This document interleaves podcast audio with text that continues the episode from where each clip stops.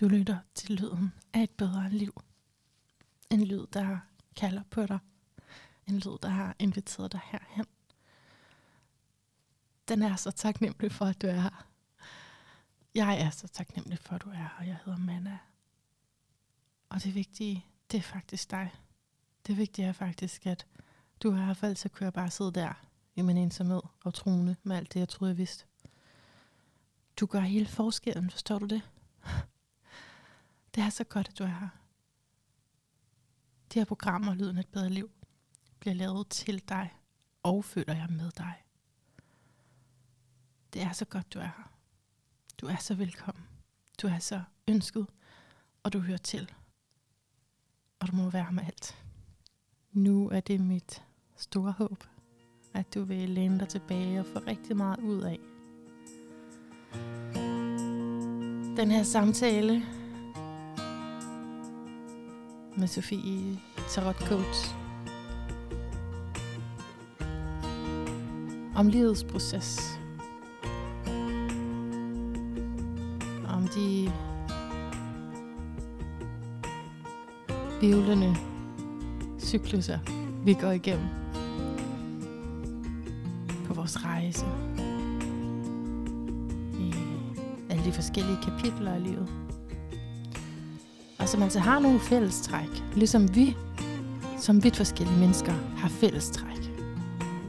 Vi behøver ikke være enige for at være de samme. Rigtig hjertelig. Velkommen indenfor. Rigtig hjertelig velkommen til Lyden af et bedre liv, Sofie Golotnoff. Tak. Vi skal tale om helterejsen igennem tarotkortene. Mit forslag, men øh, du er helt med på den, ikke? Jeg er helt med. Ja, så spændende. Du har udgivet en bog sammen med, på en måde, din far, Ja, øh, som altså er død. ja. Så, det, så hvad kalder man sådan noget, når det både er en selv, der har bidraget til den, men det er sådan også ud fra hans værk? Jamen, jeg øh, bokser stadigvæk lidt med, om det er en modernisering, eller det er en redigering, eller det er en videre udvikling. Ja. Altså, men noget i det område. Mm. Mm. Og den hedder Lær at tyde ko- tarotkortenes visdom. Eller hvad? Eller hedder, hvad hedder den? Ja, tarot hedder den. Altså, den hedder egentlig kun tarot. Fedt! Jeg Ja. tænkte bare, det kan da ikke være Og titlen. det, øh, og det er faktisk lidt besværligt, når man skal skrive om det, fordi så er man jo ligesom nødt til at sige bogen. Så, Ja. Fordi det er sådan, Jeg tarot er jo mange ting, men der, det viser, der var ikke andre bøger, der hed tarot. Sådan. Det var ret sejt. Ja. Og fordi min far hed tarot ABC, Ja. så det ligesom, det var svært ligesom at kalde det noget andet, og vi synes, det der ABC var lidt forældet. Ja. Altså, det var fedt nok i 90'erne, men han havde også en plan om, at han skulle skrive hele alfabetet. Okay. Øhm, men han nåede altså ikke længere end til C. Nå, på den måde. Ja. Det var meget bogstaveligt. Ja. Det er en fantastisk bog, og jeg håber, jeg husker at rose den hele vejen igennem. Ellers så gør det i hvert fald lige nu. Fordi den har virkelig rørt mig dybt. Altså, den er jo lige udkommet her i 2021, så Mm-hmm. den er top aktuel. Ja. Øh, og ja, det, det er simpelthen bare så godt. Øh, det første har jeg sådan læst Mhm. mm-hmm. kronologisk, ikke? Ja. Øh, men så kommer der så alle kortenes betydninger, og, øh, og der er jo så bare slået op, har brug for det. Er det ikke også det, der er meningen? Fuldstændig. Okay, altså, øhm, jeg vil aldrig sige til nogen, at de skulle læse 78 kort i streg. Nej. altså, jeg vil i hvert fald selv falde i søvn. Ja, Og man kan alligevel ikke huske det, og der er så mange øh, måder, øh, kortene er beskrevet på, alt efter hvor de ligger i et oplæg. Ja. Og når du, hvis du skal prøve at sammenholde fire, fire, fem forskellige fortolkninger af et kort, mm. altså ret vendt på hovedet som situation, som et godt råd, min personlige kommentar, så bliver man jo forvirret. ja. Ja. Så, Så- det vil jeg ikke anbefale, at man læser alle kortene. Jeg tror, man hører også mere efter, når man har trukket et. Hvad er et godt råd til mig? altså, så hører jeg virkelig Hvad skal efter. jeg gøre? Eller hvad betyder det her? Frem for det bare, når det er to bærer, men når, jeg- når det er til mig, ikke? Ja. så hører jeg efter. Præcis. Og det er jo derfor, man bare skal lægge rigtig meget kort, fordi så når man jo igennem de 78. Ja, så når du siger, at man skal lægge ri- rigtig meget kort, så betyder det træk. Ja, altså, eller- altså, altså- spørgsmålstræk. Jeg øh, plæderer jo meget for det her med at prøve at trække et kort om dagen, eller et om ugen, eller som det nu passer et par gange om ugen. Øh, sådan, så man får en fornemmelse af, hvordan man kan bruge dem. Ja. Som du, sådan, få det ind som sådan en lille, et lille åndehul i sin hverdag. absolut. Altså, jeg gør det som en del af min morgen. Mm-hmm. Øhm, men så har jeg også dage, hvor jeg sådan, okay, jeg har lige fået svar i går aftes, så måske, altså måske jeg bare lige skal blive ved det, ikke? Man kan Ja. også blive over eager. Ja, ja, og er hvis man trækker for meget på det samme, Ja, præcis. så kan man let få blive forvirret, fordi... Det er nemlig det. Er det her igen. Ja. ja. Okay, Sofie. Vi havde en uh, telefonsamtale i går, ikke? Mm-hmm. hvor du gav mig et godt råd. Og så sagde jeg, det vil jeg ikke tage imod, sagde jeg. Og så nu har jeg alligevel ombestemt mig. og det er i forhold til, at jeg plejer at lægge det her øh, lille tvistede øh, segment ind til sidst i samtalerne, hvor jeg ser på gæstens horoskop. Men hvor vi- vi talte om, og jeg afviste, at øh, vi kunne gøre det i starten. Mm. Men jeg synes, det er roet på mig. Ja. Uden du har prøvet at overtale mig. Det er bare sket. Ja, ja, Jeg synes, jeg vi skal sagde gøre det. jo, det må du helt selv om. Ja. Ja. Jeg har altså virkelig lyst til, at du skulle bare hedde Sofie Gold i stedet for. Ikke? jeg er Også meget det beæret. Ja, Sofie Gold, hør her. Ja. Øh, Eklipsen ja. på fredag. Vi, er, vi optager her et par dage før fredag, men jeg tror faktisk, den udkommer der den 19. november Ej, spændende. i år 2021. Den falder direkte på din måneknude, hvis du godt det. Nej, det havde det ikke en idé om. Øh, så det er helt klart meget betydningsfuldt for dig personligt. På fredag. Ja. Jeg bliver helt bange. Men som, altså jeg har den sidste udgave sådan en selv, hvor jeg snakkede om eklipser, og det, der er vigtigt at, at huske, det er, at det er ikke sådan bare på dagen, men det er en sæson. Og for så vidt kan, er det allerede i effekt, fordi når vi ser tilbage på noget, så er det heller ikke sådan på dagen, at man blev gift, da eklipsen var, men det var øh, måske en måned efter, eller det er ligesom, Hmm. øh, ja, det er svært at da- datosætte på den måde. Og det er jo egentlig lidt sjovt, når det er så specifikt. Ja, og kollektivt ser vi jo begivenheder på de dage, og så er det ikke sådan, det ikke sker, men det er bare, øh, ja, det er interessant, at det tænker i processer. Så Vil du lige forklare en, en eklips og en måneknude? Nej, Nej, fordi der skal du bare høre afsnit 243, for det bliver for langt og for teknisk. Okay, det, Men det skal jo, nok. jeg vil godt forklare, at øh, måneknuderne handler om din skæbne. Øh, det handler om, hvad du kommer ind i det her liv med, og det du har en tendens til at klinge dig til, når det er den sydlige måneknude og den nordlige, hvad der er ment for dig i det her liv. Men du har faktisk et kvadrat til, så det vil sige, at du kender til begge dele. Så det, jeg i hvert fald vil sige, det er, at det handler om tyr og skorpion energierne. Mm. Øh, og nu siger jeg det dig noget, nu siger jeg bare lige nogle ord også, ikke? Uh, det kunne være, at det har at gøre med var rigtig meget det, du laver, en ritualisering, en noget, som er fysisk i tyren, som øger din sjæls vækst, altså som akkumulerer din sjæls vækst, som gør noget for, at du vokser øh, som menneske, som sjæl i skorpionen. Mm. Og, og så har du jo en del skorpion med dig, må Ja. vi sige. Ikke? Så, har jeg jo. så det, har, det betyder, at det er en meget personlig proces af at også gå igennem nogle ting, som gør, at du vokser sjæleligt. Og jeg brugt både ord sjæleligt og menneskeligt, men det er jo svært lige at adskille. Det handler om at blive mere bevidst, Mm. og, og dermed også kunne, og det gør du jo hele tiden, ikke? men blive endnu bedre til. Altså det er virkelig bare noget, der hjælper din personlige proces. Ikke? Øh, Men blive endnu bedre til at øh, se den skjulte sandhed. Det, der er i det gemte, som tarot jo handler rigtig meget om. Ikke? Altså, så det, så det er de energier. Så derfor så tænker jeg, at det er, der er noget, der ligesom, du bliver accelereret der. Ikke? Spændende. bliver ført et, og, og, og du er også ved at lave noget, nogle nye forløb, så det passer jo rigtig fint med, at du skal vokse i det, du er i gang med. Kunne du ikke forestille dig det? Jo, altså jeg bliver jo glad, når du siger det der med, øhm, Altså, at det er forankret i det jordiske, ikke? og det ja. Her med rutinerne. Og, fordi jeg jo netop øh, gerne vil lære folk, hvordan man får lavet sig nogle, en daglig praksis, mm. eller en, ligesom du siger, jamen, jeg har jo en mor- min morgenrutine, mm. ikke? Øh, hvor man både laver yoga og trækker til råt. Sådan, så man forbinder det åndelige, og det energierne, og det kropslige.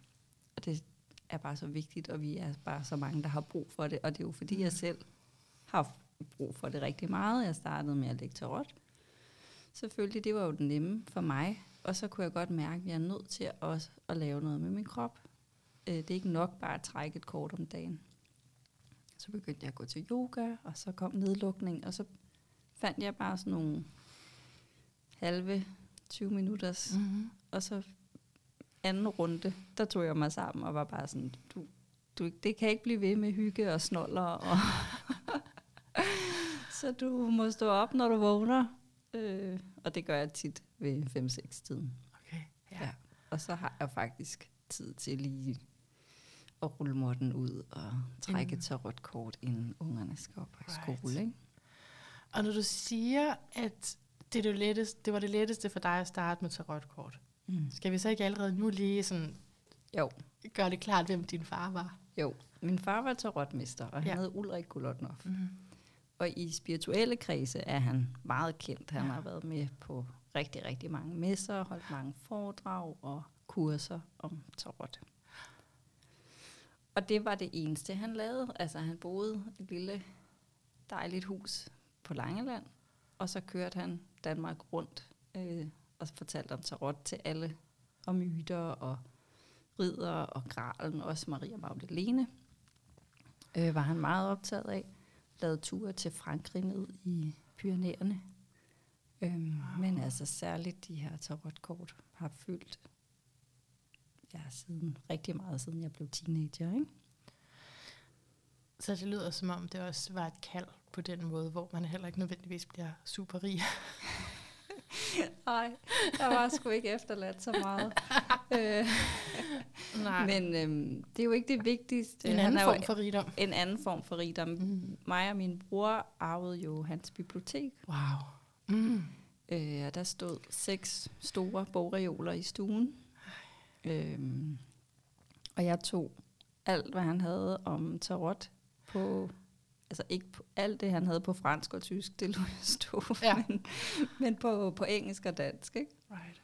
Ja, og så en masse bøger har jeg om engle, om kristendom, om Maria Magdalene. Og, Det, der jo så er så rørende i dit bog, det er, at du fortæller, hvad der også sker i den proces med, hvor din far dør. ja. Altså, øhm, jeg har jo taget den her coachuddannelse hos Sofia Manning, og der blev jeg meget klar over det her. Øhm, altså, jeg er opdraget i, at der er ligesom en plan, Ja. og du får ikke rigtig at vide, hvad planen er, men det er ret vigtigt, at du følger den plan, og det handler om læring og udvikling. Okay, ja. Og så har du bare sådan en boks. Øh. og så kan du lægge tarotkort, og du kan meditere, og du kan alt muligt for ligesom at prøve at finde vejen. Men der er ligesom givet en sådan en eller anden form for vej. Der er en opgave hernede. Der er en forudbestemmelse. Der er en, forud, der er en skæbne, Ja. men det er ikke sådan en skæbne, at du skal giftes med ham, Mm. mm. eller du skal... Øh, det, det, har, det var meget uklart for mig, hvad det var. Må mm. jeg Mm. gerne være ærlig at sige. Mm. Og så tager jeg Sofia Mannings øh, uddannelse, og så siger hun, du bestemmer dig selv, hvad du vil. Det er da dit ansvar at finde ud af. Og jeg var bare sådan, wow, kan man det? Ja. Må man det? Mhm. Mm. Altså må jeg selv ligesom sige, "Jamen, jeg vil gerne tjene penge og være karriere. Og, mm. Altså ja, der havde jeg jo taget en akademisk uddannelse, så det ville jeg jo gerne. Jeg ville noget andet end det okulte og spiritistiske. Og Ja, du Men- var egentlig altså, i det akademiske. jeg var projektleder, jeg Ja. ja. havde arbejdet som HR-konsulent. Og, Ja. ja. Du havde ikke tænkt, at du skulle være Ej, jeg havde, altså jeg elskede min far, og jeg Ja. elskede, at han lagde kort for Mm. mig. Jeg elskede at- at høre ham fortælle om bøger, han læste. Og, og når jeg var sammen med ham, så gav det fuldstændig mening. Og når jeg havde pakket tasken og landet i København og prøvede at pippe lidt til nogle veninder om, hvad jeg havde snakket med min far om, så var de bare sådan, altså det er helt hægtet af. Altså der var ingen, der forstod det, og det var bare sådan, okay, Sofie, det, det taler du bare med din far om. Ja, Ja, okay. og min mor. Mm. Øhm, så, så, så, og du det havde havde det egentlig også godt nok med. Altså, jeg savnede ikke. Mm. Og hey, er der ikke nogen, der vil have lagt nogle tarotkort? Det har aldrig påduttet nogen. Altså, og jeg, det har jeg ikke haft behov for. Nej. Slet ikke. Men altså, så dør han jo i Ja. 2014. Mm. Øh, meget pl- ja, pludseligt, ikke? Ja. øh, mens han er ved at fælde et træ. Og det træ, det har han fortalt mig for inden, at han faktisk havde en skæbnesvanger aftale med. Nej. Jo. Øhm, så det er jo selvfølgelig et stort chok, fordi at den ene dag har du talt i telefon, og du skal til påskefrokost om en uge, og den anden dag er den person væk. Øh, og det var så træet, der vandt den, øh, den aftale der. Øhm, men det er et meget, meget smukt sted. Altså det er sådan på toppen af en lille bakke ude i en skov, ikke ret langt væk fra hans hus. Øh, og der står, der står sådan en cirkel af træer rundt om der. Øhm, så der har vi, det har vi besøgt en del gange. Mm. Men det, der så skete i dagene efter han døde, det var, øhm, at jeg kunne mærke, at jeg var nødt til at steppe op. Altså jeg var nødt, det, det ansvar, det fulde ansvar Mm. for en selv, som man taler om på alle coachinguddannelser, ja. og i al selvudvikling i dag handler mm. jo om det her med at tage ansvar for sig selv. Ja. Og fordi at øh, jeg var i chok, og, og min krop var åben på den måde, så kunne jeg ligesom sige, okay Sofie, der er kun én i den her verden, du skal stå til ansvar over for, og det er dig selv, og du er ikke glad. Du lever ikke et liv, du gerne vil have.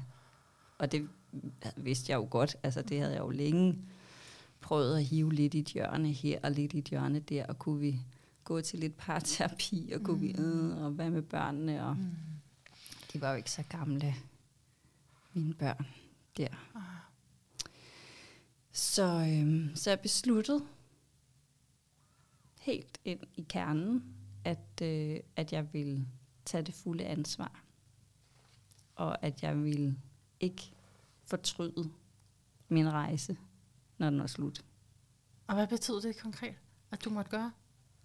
Jamen, øh, Gå fuld tid med Tourette? nej, ikke lige der. Okay. Jeg fik faktisk et rigtig fedt øh, projektlederjob lige bagefter. Okay. øh, hvor jeg var nogle år, som jeg var rigtig glad for. Men, men det betød, at øh, jeg var nødt til at blive skilt. Ja. Øh, det tog halvandet år, fordi vi, vi var i sorg, og min, Mm. min mand var også rigtig glad for min far, og, sådan, så, og vi havde brug for hinanden. ikke Men, Mm. øh, men jeg blev skilt, og jeg begyndte ligesom, og i stedet for, og da, det var jo en projektansættelse, så den var slut, så havde jeg selvfølgelig sådan, at jeg skal bare have et nyt arbejde, og så der var ligesom ikke noget, der manifesterede sig, der var ikke noget, der kunne blive til noget. Og så kunne jeg ligesom mærke sådan, ja, måske er det, fordi jeg skal noget andet. Ja. Og så har jeg så haft øh, deltidsarbejde og kortere projektansættelser og sådan noget, for at få det hele til at hænge sammen. Øhm, men altså, tarotten begyndte bare at fylde mere og mere. Jeg begyndte at holde foredrag og lægge kort og Ja.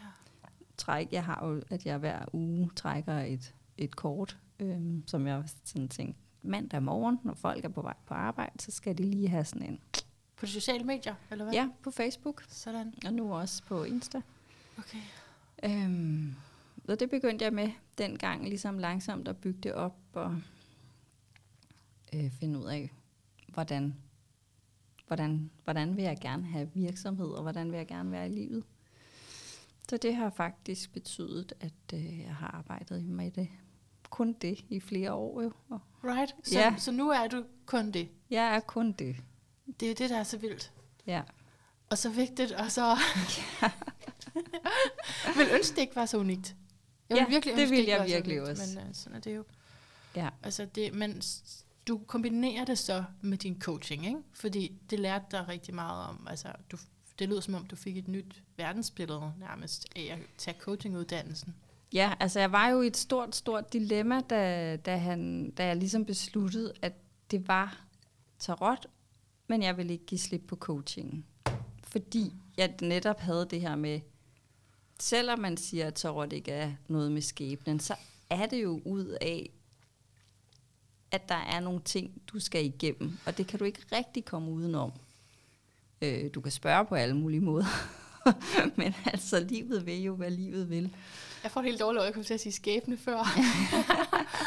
altså, for jeg tror egentlig, vi mener det samme, ikke også? Ja. Og astrologien, altså, ja, der er nogle overlap der i forhold til, hvordan man forstår, at, at du kommer Men det er jo også fordi, noget. skæbne er sådan meget, så er det fastlagt, Ja, og det, det er ikke tror jeg ikke, men, Nej. men som vi også skal snakke om med helterejsen, så er der nogle trin i en udvikling, ja. som du ikke kan forbigå. Yes. Øh, Yes, Og nogle gange yes. kan de trin være meget dybe, og andre gange så kan du komme lidt lettere hen over det. Mm.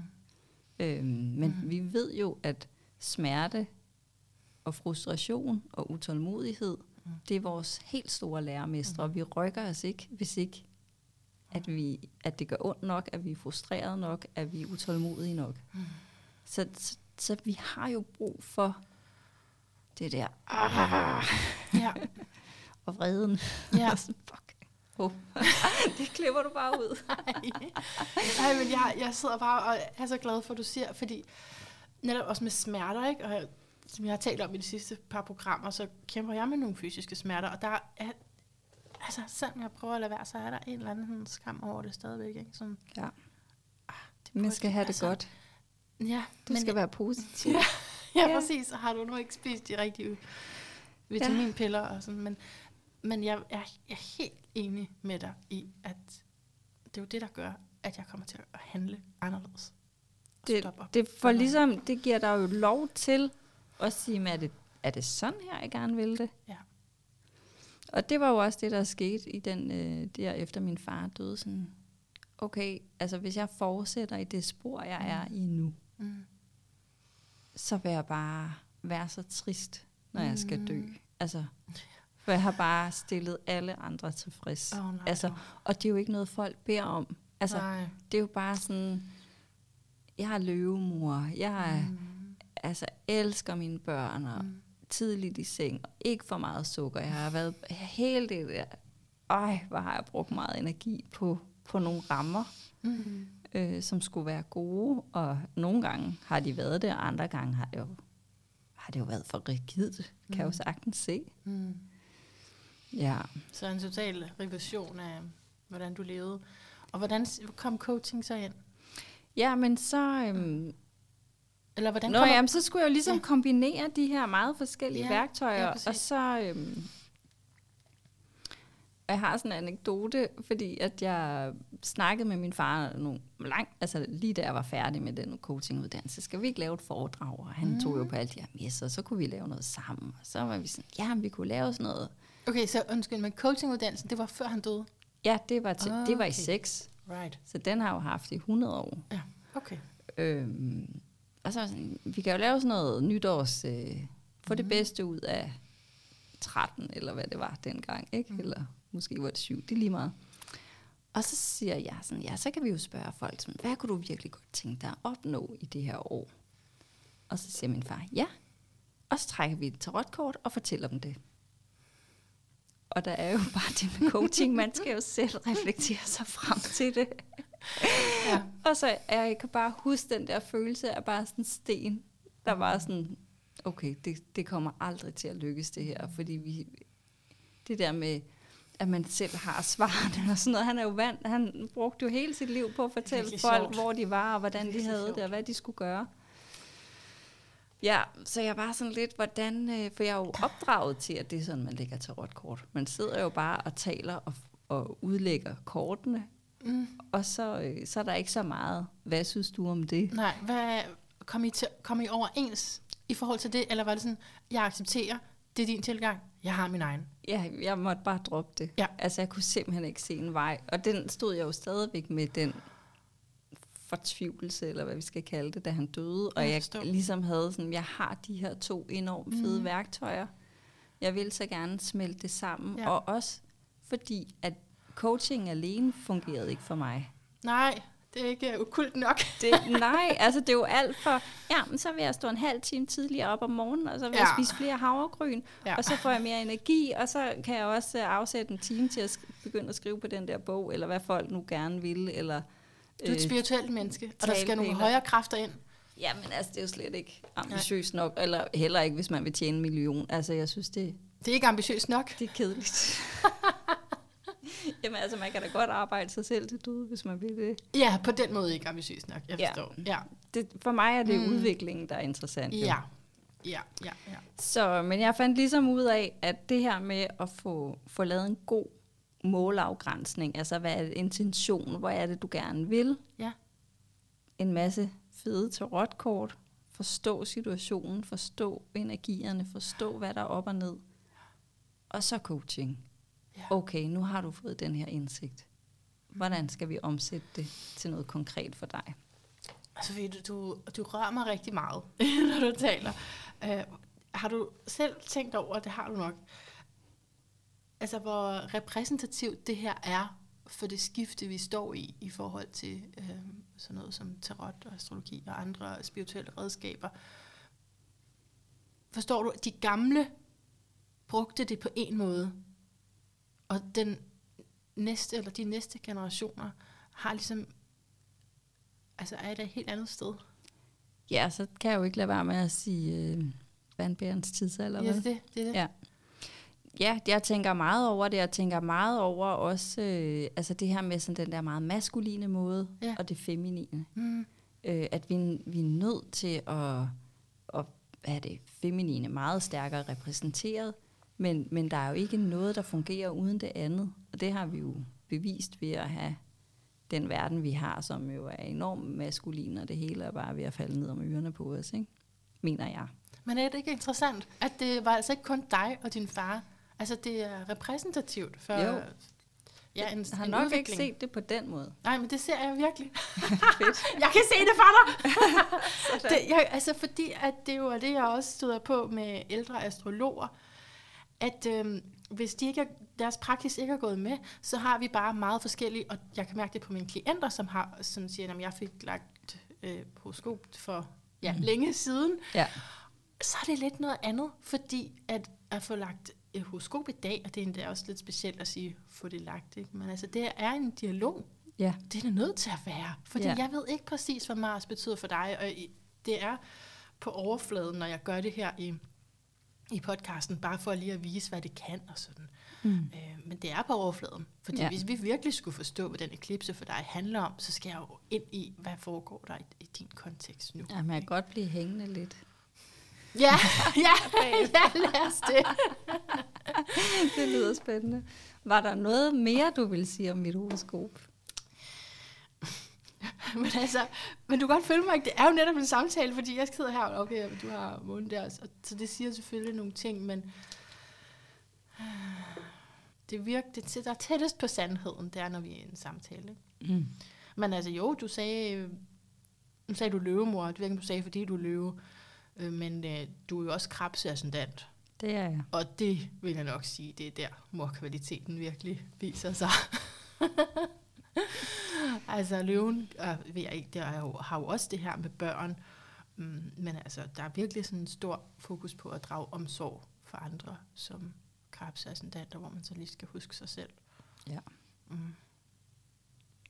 Vi begyndte jo at skrive sammen, fordi vi snart, du skrev en ret fed opdatering på Instagram, hvor jeg så skrev, jeg har altid gået min egen vej, og så spurgte du, er du et eller andet med noget? Og Nå, så ej, det kan sagde jeg ikke jeg, huske. Ej, øh, shoot, hvad var det?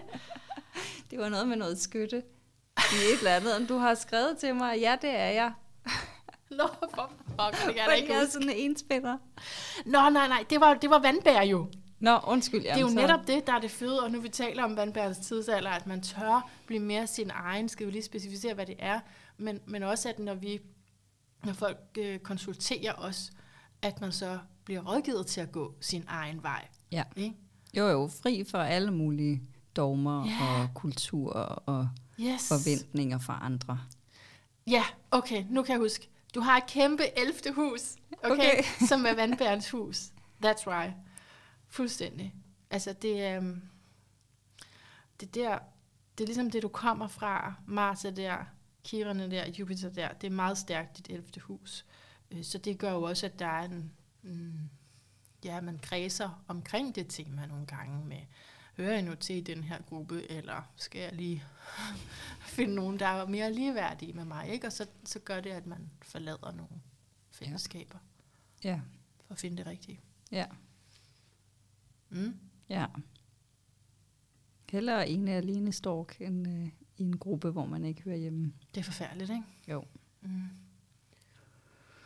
Nå, Ja. Skal vi trække et kort på samtalen, Ja. som er Øhm, vi skal gået i gang? vi skal trække et kort Ja. på... Øhm, vil du trække det, eller skal jeg trække det? Nu er det jo over hos mig.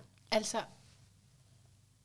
jeg har jo været med i en podcast, der hedder Tarot er Hot, men det er ikke udkommet endnu. Men øhm, der spurgte jeg til, om det betyder noget, hvem der trækker. Det sagde, det gør det ikke.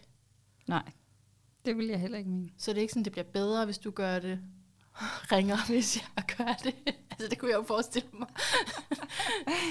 Ja, men altså, jeg kan hud, altså, når jeg selv får lagt kort af nogen og skal trække, Ja. så, kan jeg jo, så bliver jeg også nervøs. Fordi man vil jo gerne have nogle gode kort. Ja. Altså man vil jo gerne have at vide, det ikke bare er sort og svært det hele. Man ja. vil jo godt sådan, ah, det her det kører for dig, og det, det her det, det får du nemt videre. Men øh, spørgsmålet er, Mm. dem der lytter med på den her, det er sådan set ligegyldigt, hvornår de lytter. Men hvad er det for en arketypisk, eller altså hvad er det for en, en morale, vi skal lære? Eller altså hvad er det for en, lige når man lytter, hvad er det, der er i spil, som man kan bruge til at få øh, belyst, og hvad skal man gøre ved det? Jamen, det var jo to i et. Må man godt spørge om det? Ja, det er fordi, jeg kan ikke lade være. Nej, det kan jeg nemlig heller ikke. Men så får jeg at vide, du skal... Ja, men hvis op. man bruger bogen, så skal man, øh, så skal man trække to kort i stedet for. Et på Ja. situationen, og et på et godt råd. Men, men nu formulerer jeg det bredt, Mm. sådan så at der, man både, hvis det kan være, at man er i situationen, det kan også være, at man har brug for et godt råd. Okay, men, altså, så kommer vi lige ja, rundt om du, det. du kan tolke det, ikke? Jo, det skulle Så- jeg gerne kunne. Okay, jeg, jeg trækker nu. Ja. Okay, om kan jo na- den her. Ja. Om jeg vender den. Du vendte den for, jeg har peget på den. Om den, den lå faktisk for dig. Eneboeren. Ja, The Hermit. The Hermit. Og eneboeren svarer jo lidt til, det er jo jomfruens kort.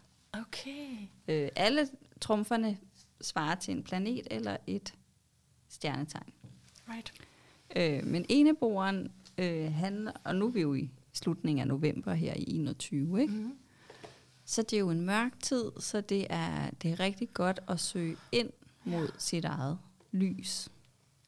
Øh, give sig tid til, vi snakkede også derhjemme om det i går, det her, man bare har lyst til sådan at gå i hi. Altså, tænde lidt stearinlys og bare sidde, og det er mørkt, og Altså, jeg elsker læse en eneboeren. bog. Det, jeg føler også, det er det, vi talte om, i forhold til, når man er i et fællesskab, og så man lige må sige, helt ærligt, kan I ikke se, hvad jeg ser? Og så må adskille sig fra det. Ja, Så hygge, men at, kan det ikke også være, jeg skal noget andet, og det kræver en tid for mig selv, eller hvad? Jo, altså det handler jo meget om at, at, at turde trække sig og sige Ja. nej til aftaler, Ja. sige nej til... Ja. Øh, altså lige om lidt, så er juletiden over, men vi er jo stadigvæk i skorpionens sæson, ikke? Mm, mm, Så, så, så det er noget med sådan virkelig at få værnet om sin energi, mm, fordi at øh, der er ikke så meget. mm, Og så er han jo også en nørd. Altså, mm.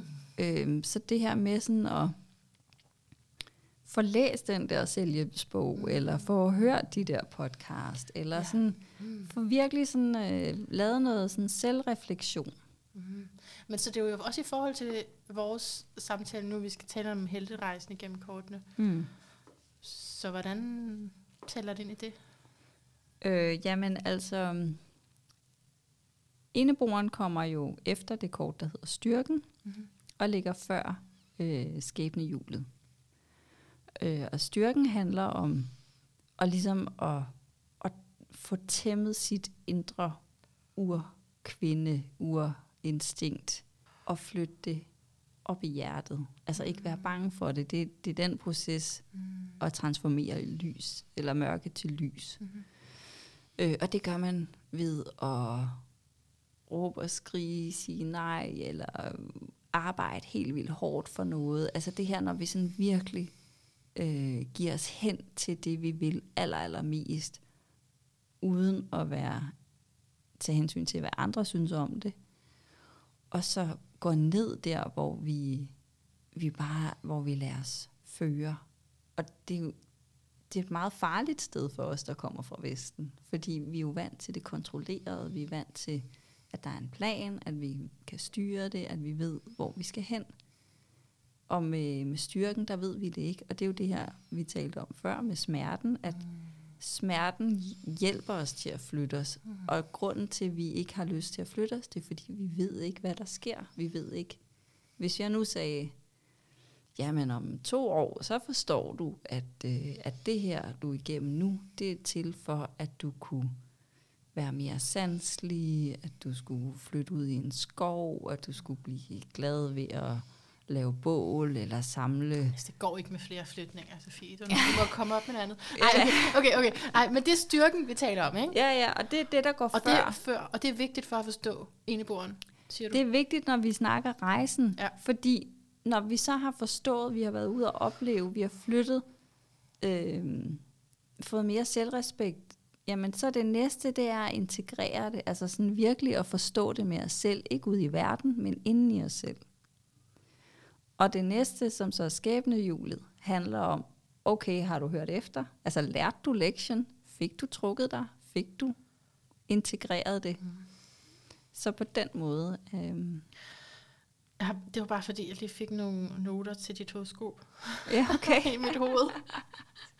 uh, kan jeg godt lige sige det nu? Det er Ja, alligevel stilen. det kan du. Det er jo blevet stilen, det, Det er her. blevet stilen. Det er det, det er det nye. Det er jo lige på din måneknude. Det er fordi, du spurgte, kan du forklare? Så vil jeg bare lige huske at sige, det er jo en, en eklipse er en fuldmåne på måneknuderne. Så det vil sige, det er en fuldmåne, hvor at, ja, månen er i tyr, og solen er i skorpion. Og det er altså bare i samme grad som det. Jamen, det er bare fordi, jeg tænker, at... Øh, Jamen, det er fordi Først tænker jeg- skorpioner tyrer over for hinanden. ja, det er over for den, ja. Ja. Så, så det handler om den polaritet. Yes. Øh, men jeg, først så tænkte jeg jo mig selv ind i det, men så kom jeg også til at tænke dig ind i det, du sidder og siger. At det måske handler om at den her rejse, som, og det, nu kommer det så til at være i det tegn det næste halvandet år fra 18. januar, mener jeg, det er i 22. Øh, så den her rejse med at leve din passion, Mm. fordi det er femte hus. Øh, nordlig måneknude af. Nå, det var bare, jeg følte, jeg hørte det, men man kan høre alt muligt i det her, ikke? Ja, ja, men man, man, øh, man bruger jo sin egen fortolkning, og den ja. erfaring, man har, den viden, man har. Og, og det tror jeg, at der er mange, der ligesom tror, nu skal jeg glemme alt, hvad jeg ved, og så skal jeg, for, så skal jeg lære, hvad det her kort betyder. Ah. Og det behøver man ikke. Altså, du lærer om kortet, du kan lære at læse, forstå øh, symbolerne, farverne og udtrykket, og så skal du jo koble det Mm. med din erfaring. Og det er der, det giver mening. Og det er jo også derfor, at man jo sagtens kan gå til astrolog flere gange, Mm. øh, fordi Tak, fordi du siger det. Det er jeg For- glad for. forskellige kan jo sige forskelligt og give Nå ja, forskellige den samme vinge, kan også. og den samme kan også hjælpe en videre i proces. Fordi der er hele tiden nye niveauer af det, ikke? Ja. At indse og erkende. Okay, men altså, i sidste afsnit, hvor jeg interviewede en, der gav hun mig et tip om, at det var, man skulle måske holde en pause. Ja. Jeg tænkte, vi kunne jo, vi kunne jo holde en uh, pause, inden vi går til helterejsen. Skal vi ikke gøre det? Jo, lad os det. Okay. Så skal vi lige... I position igen Ja. til the mics. Nu er vi nogenlunde klar Ja. til en uh, helterejse her. Ja. Øhm, efter lidt, lidt fri snak og, og noget meditation.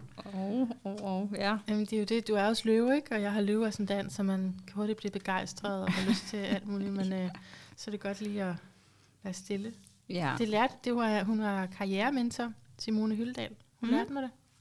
det var hende, der lærte dig det. Altså, mig, der er yogalærer, ikke? Men ja. hun lærte mig at være stille.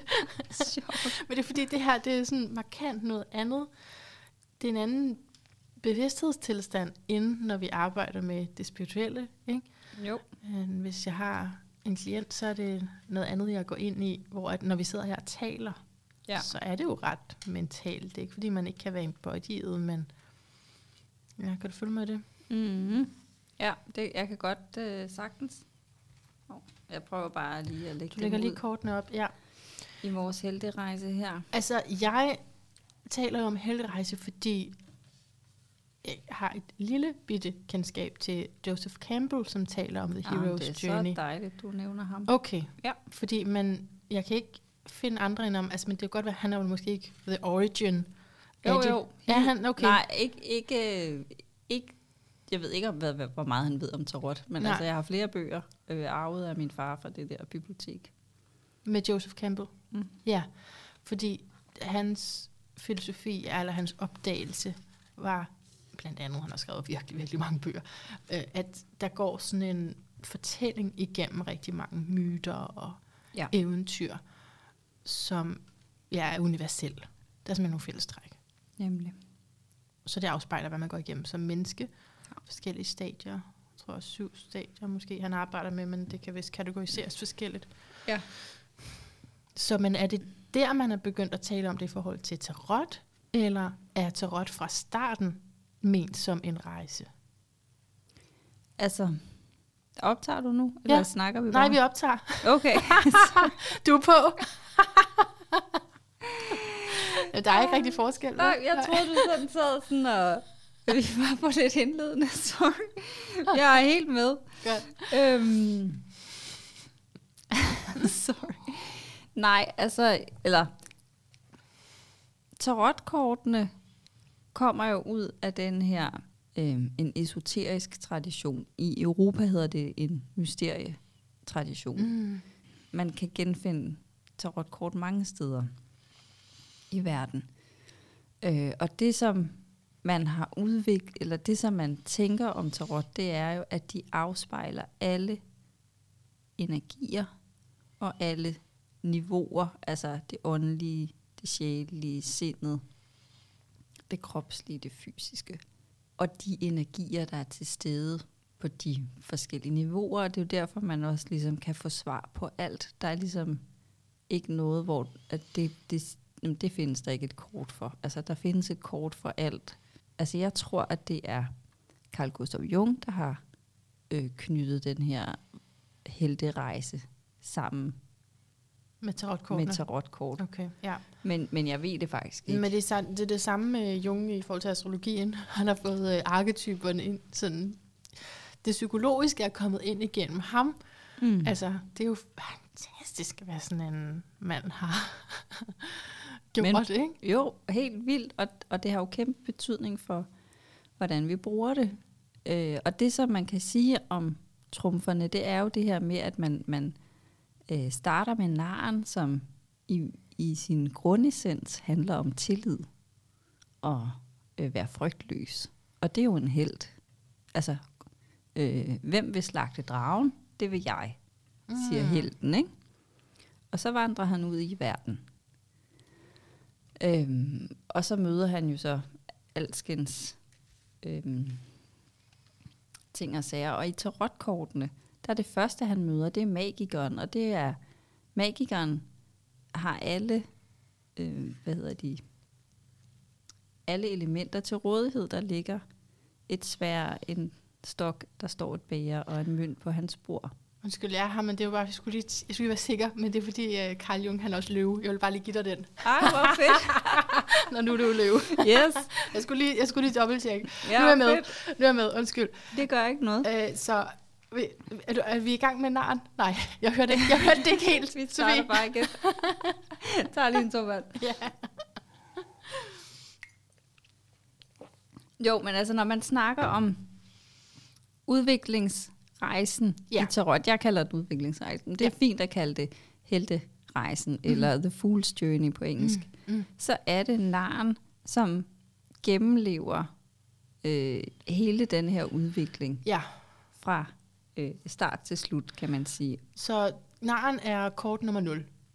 Naren er kort nummer 0, og så hvis man skal regne med ham, altså personlighedskort eller andre ting, så øh, giver man ham nummeret 22. Okay, Ja. Så, og det er der flere grunde til, fordi han er både starten og slutningen. Mm. Så han er alfa og omega, og han er, men han, hans grundessens er tillid. Mm. Det var Og- det, du sagde. Ja. Så han er klar til at drage ud i verden. Han er klar til at drage ud i verden, og så øh, møder han øh, så møder han energien, kan man sige, magikeren, som har alle værktøjer eller alle elementerne til rådighed. Så øh, naren i sig selv er forholdsvis naiv, ikke? Jo, han har sådan naiv, fordi han møder folk i tillid og tror, at verden er god. Ja. Øh, skal vi oversætte det til noget, I- vi kender, så er det jo positiv psykologi. Ah. Alt er godt. Ikke? Ja, interessant. Yes. Ja, men også lidt naivt, og måske heller ikke helt rigtigt, vel? Ej. Fordi vi har jo snakket om smerte, og Ja, sådan vi- en overfladisk forståelse Ja. af virkeligheden. Mm-hmm. Okay. øh, min far kaldte ham også Peter Pan, fordi han ikke vil blive voksen. Mm, altså, så der er jo ja. ja. også noget med ikke at ville tage ansvar, men bare hele tiden ville opleve eventyr ud og videre. Det er det, der driver ham. Mm. Men det er også, øh, hvis man trækker naren, Ja, så skal man bare huske, at han har selvfølgelig også en skyggeside. Ja, altså det synes jeg, det, det var det, vi talte om nu. Ja.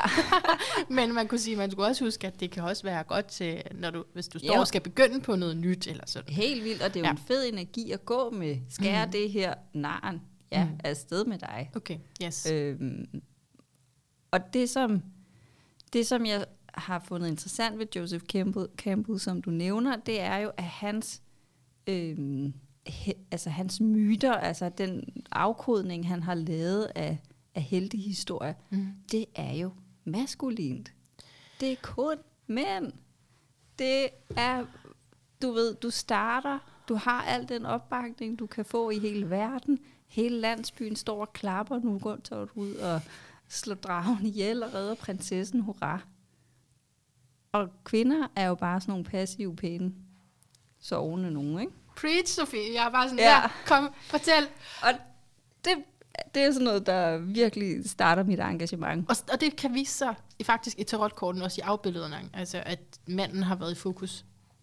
Manden har været i fokus. Altså, øh, det ved vi jo ikke, om de altid har været. De her Nej. Kort, de er jo tegnet i 1900, men Ja. altså, der var patriarkatet jo vældig stærkt. Yes. Så hvis du tænker en heldindes rejse, Mm. så starter hun i mistillid.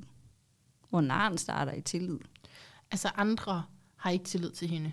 Der er ingen, der har tillid Nej. til, at du kan Nej. Noget som helst. Nej. Du er sådan set kun født til at opdrage børn og gøre mm. rent. Ikke? Mm. Det er ikke meget, hva'? Nej. Måske lave mad. Mm. Så og når man så øhm, på heldens rejse møder magikeren, Mm. så siger han, her er vision, her er ressourcer.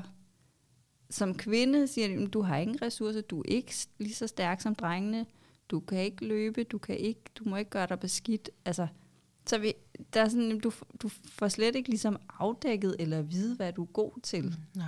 Vi piger, vi er gode til at socialisere, det er det, vi lærer lidt, ikke? Mm. vi er ikke nødvendigvis gode kunstnere, eller, altså, der er slet ikke noget, hvor man sådan siger, at det er piger som regel bedre til en dreng. Mm. Ja. Og så er det, vi møder ypperste præstinden, som er intuition. Det er en kvinde. Det er en kvinde.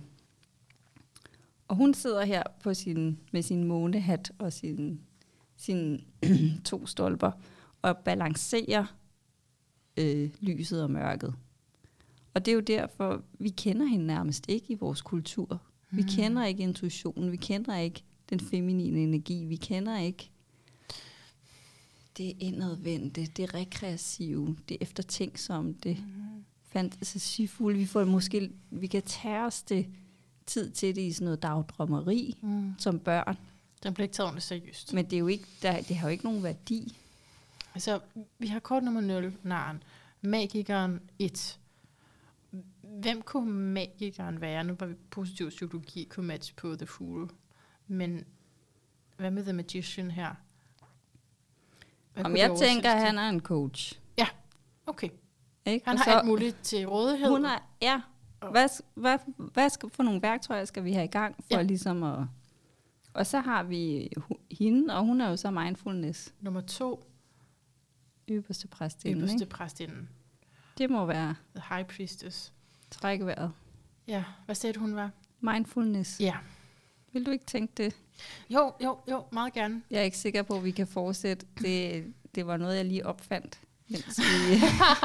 Nå, med, med billederne. ja, ja, altså Nej, det her okay. med ligesom at... Ja. Øh, for den næste arketype, der så viser sig, det er kejserinden, og hun er arketypen mor. Det er mit personlighedskort. Okay. Så har du også øh, den hængte mand Nå, og, ja, det ved jeg så. Ej, så det ved jeg ikke. og 21. Jo, jo. Nå. Nå. Men og det kan man læse i din bog, hvordan man regner ud i Ja. ja. et ens personlighedskort. Det er. det er simpelthen man. et regnestykke. Ja. Så The Empress der. Og så kommer far, kejseren, som er det maskuline ejerskab, struktur, orden og ansvar. De to hænger ligesom sammen, ikke? De, de er ligesom par kejserinden og kejseren, og magikeren og øverste præstinden er også ligesom et par. Okay, ja. Så Og- hvad betyder det? Man har mødt intuitionen, og så møder man hvad? Så møder man moren, Moren. Mm-hmm. ja, så. eller frigør sig fra sin mor. Altså. Okay. alt efter, hvad rejsen handler om. Ikke? Mm-hmm. Men at man ligesom, øh, magikeren og, og ypperste præstinden er nærmest nogle før, hvis man sådan skal tage det sådan helt, at, at en idé, en tanke, en impuls fødes, det er øh, naren, ikke? Mm-hmm. Og så er øh, magikeren og ypperste præstinden sådan nogle fødselsgaver. Mm. Og så er man først jo, når man har en mor og et far, et barn. Mm. Altså, Mhm. Men altså, man kan jo tolke ind og læse om de her, altså du, vi talte om den bog, der hedder Meditation over Tarot, som er udgivet af visdomsbøgerne, som er helt fantastisk. Kun om trumferne, der står jo 30 sider om hver trumf i sådan en filosofisk, hermeneutisk øh, kontekst. Vildt Så de er spændende. meget, meget dybe, og der er rigtig mange lag. Det er fuldstændig det samme, jeg oplever med astrologien. Så derfor er det sådan nogle generaliseringer, man ja, kommer man med ligesom her. nødt til Det er sådan et startskud, ikke? Ja. Men altså, når man har øh, lavet sit øh, forældreoprør, så kommer man videre til trumf nummer 5, som hedder ypperste præsten, som handler om fællesskaber og, og institutioner og dogmer og etik og moral. Øh, der sidder sådan en mand i en kirke. The Hierophant. Ja. det hedder den på engelsk. Og der må man ligesom finde ud af, hvad for en gruppe hører jeg til. Er jeg? Det, er jo, det har vi jo talt en del yes. om, det der med, at hvilke nogle venner passer til mig, hvilke nogle typer institutioner vil jeg ligesom underlægge mig, eller være en Ja. del af, ikke? Ja, det, for det, det tænker jeg på med den, med, det var, der er nogle forskrifter. Mm. Og der følger man reglerne inden Ja. for rammerne. Mm. Øh, og han er ligesom den, der prædiker og Ja, for det er mere spirituelt, end den lige før The Empress, eller The Emperor. Ja. ja, kejseren er jo sådan set bare øh, patriarken, ja, der sidder er for enden af bordet. Ikke? Og her, altså det er sådan mere på hjemmebane, kan man sige, hvor at, at øh, ypperste præsten, det er samfundets normer, institutioner. Ah, okay, ja. Og sådan alle socialdemokrater er den samme institution. Eller, Så du lægger ikke noget spirituelt i det kort? øh, jo, altså jeg lægger det spirituelle i det, at altså han har jo læst og lært teksten. Ja. Øh, men, men fordi at vi er jo et, et religionsløst samfund, mm. så giver den pendant ikke så tit mm. mening. Mm-hmm. Jeg kan bedre lide at sammenligne ham med en politiker. Okay, ja. Men ja. hvis, hvis øh, en person trækker ham, mig selv eller den anden, Mm. mm. så tænker jeg, at det er, handler om at have øh, forstået i- moti- etik og moral i en selv i forhold til en given sag. Okay, ja. For mig det spirituelle. Mm. Øhm, og, og ligesom at have nået et niveau, hvor man ligesom kan sige, nu ved jeg så meget om livet, og jeg ved så meget om det, jeg laver, så jeg kan godt fortælle dig noget. Altså jeg har en autoritet Okay, ja. i forhold til at udlægge teksten. Ja, det er om den, der trækker kortet. Ja, Ja, altså hvis vi taler sådan specifikt til rot, nu er det jo det, jeg laver. Øhm, men det kan også handle om ligesom at tage sin trone, altså ja. ind, indtage din plads. Det er fordi, jeg har nemlig forbundet ham med, sådan, at han ligesom vogter nogle af de hellige skrifter, og som kan være uforståelige. Jeg, jeg kan også godt huske det der med, at det, han også repræsenterer samfundet, men, men at der også kunne være den anden der. Og det men det siger du så, det er også alt efter, hvilken kontekst man trækker det i. Fuldstændig. Ja. Og, og han er velsignet, Mm. fordi han er kirkens mand Ja. i.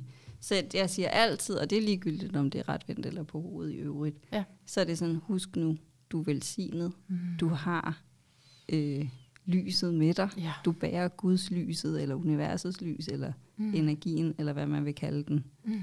i dig. Og det er din opgave at bringe det ud i verden. Mm. Ja, det, det er så interessant, fordi du, du kan gøre det samme med astrologien, hvor du kan sige, det her betyder vrede, men det betyder også den eneste grund til, at du gider stå op. Ja. Altså, så det er virkelig alt efter, hvad vi taler om, om hvis du bare lige vil have på sådan en, ja, noget sandsynlighedsregning, det her kommer måske til at ske, så er det lettere med vreden, jeg taler om Mars her, ikke? Mm. så er det lettere at sige, at der, der sker nok noget voldsomt. Men den dybere forståelse af Mars vil være, altså, ellers så kan du slet ikke Nej. motivere dig selv til at komme i gang, hvis ikke du har den drift.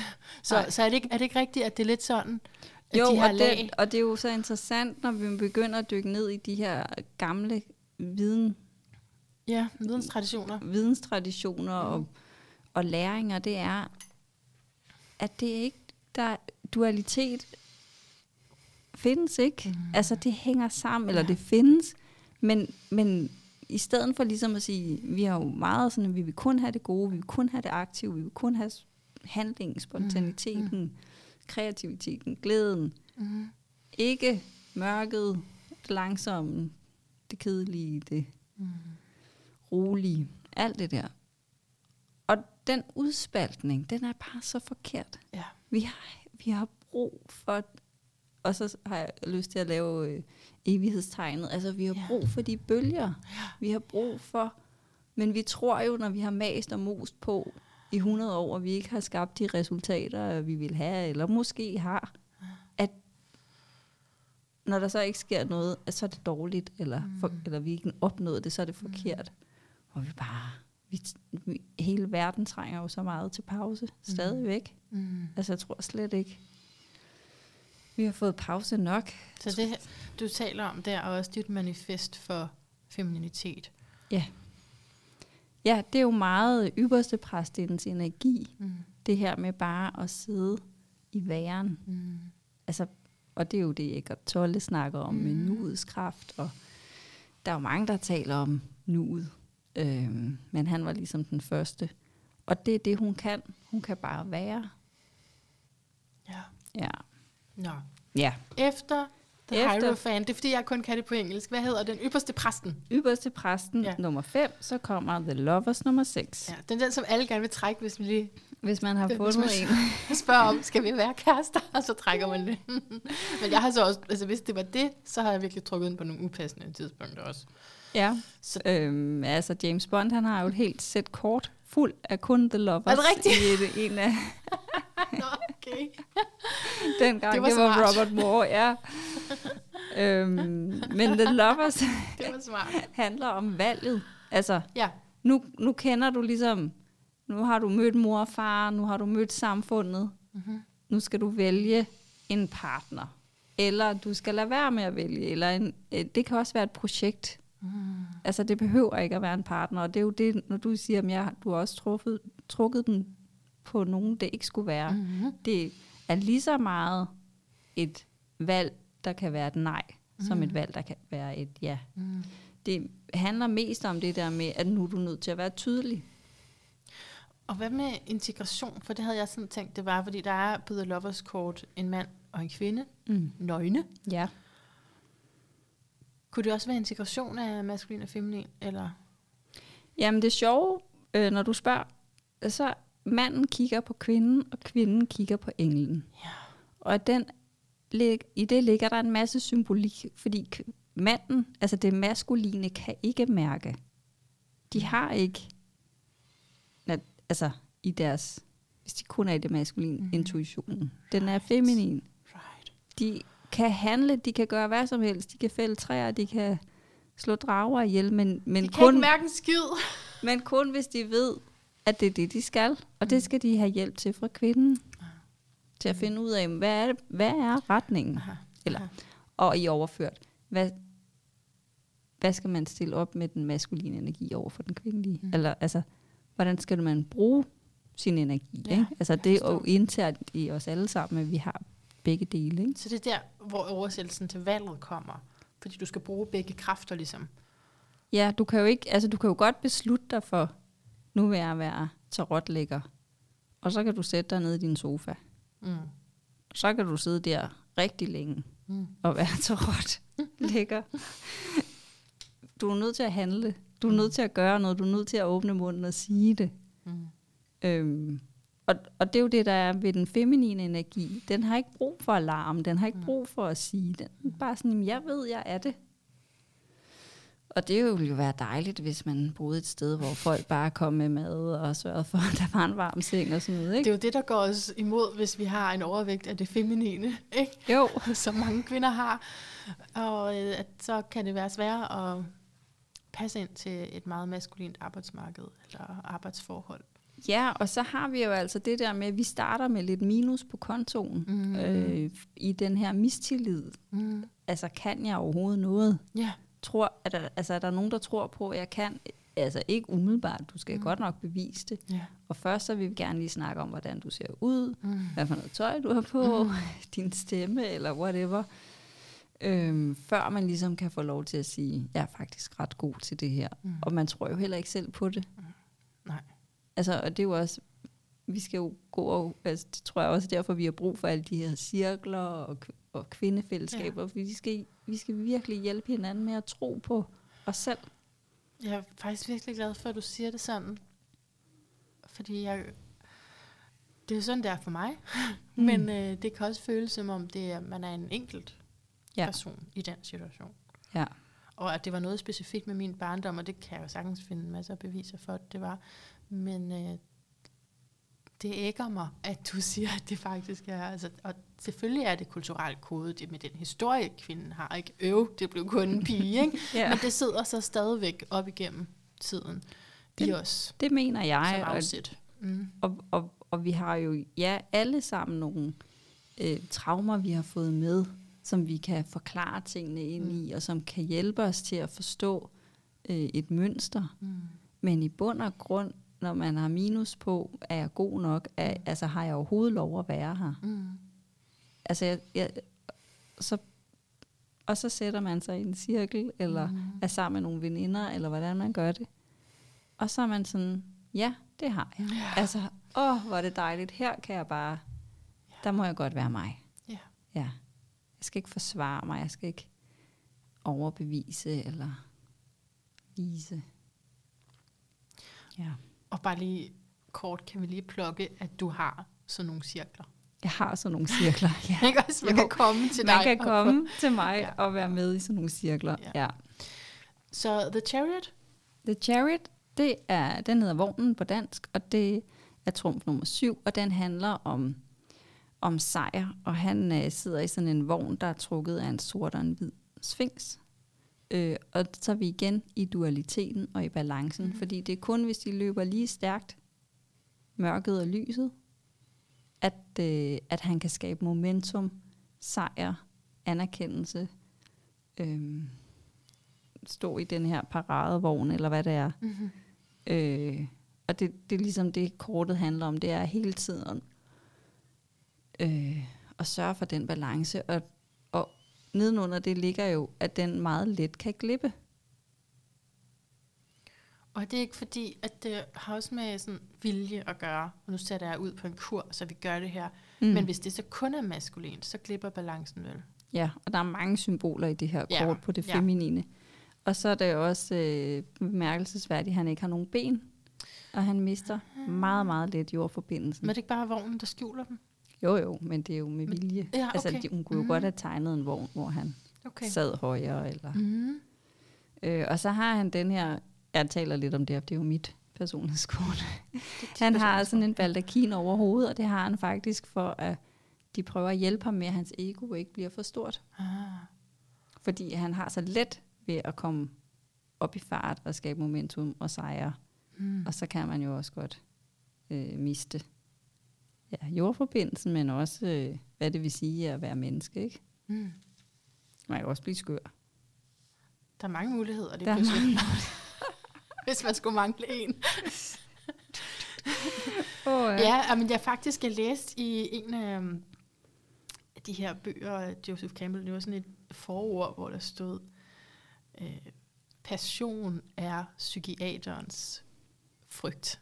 Nu er det mig, der oversætter det, ikke også? ja. Eller gør psykiateren nervøs. Mere Mm. specifikt var det det, der stod.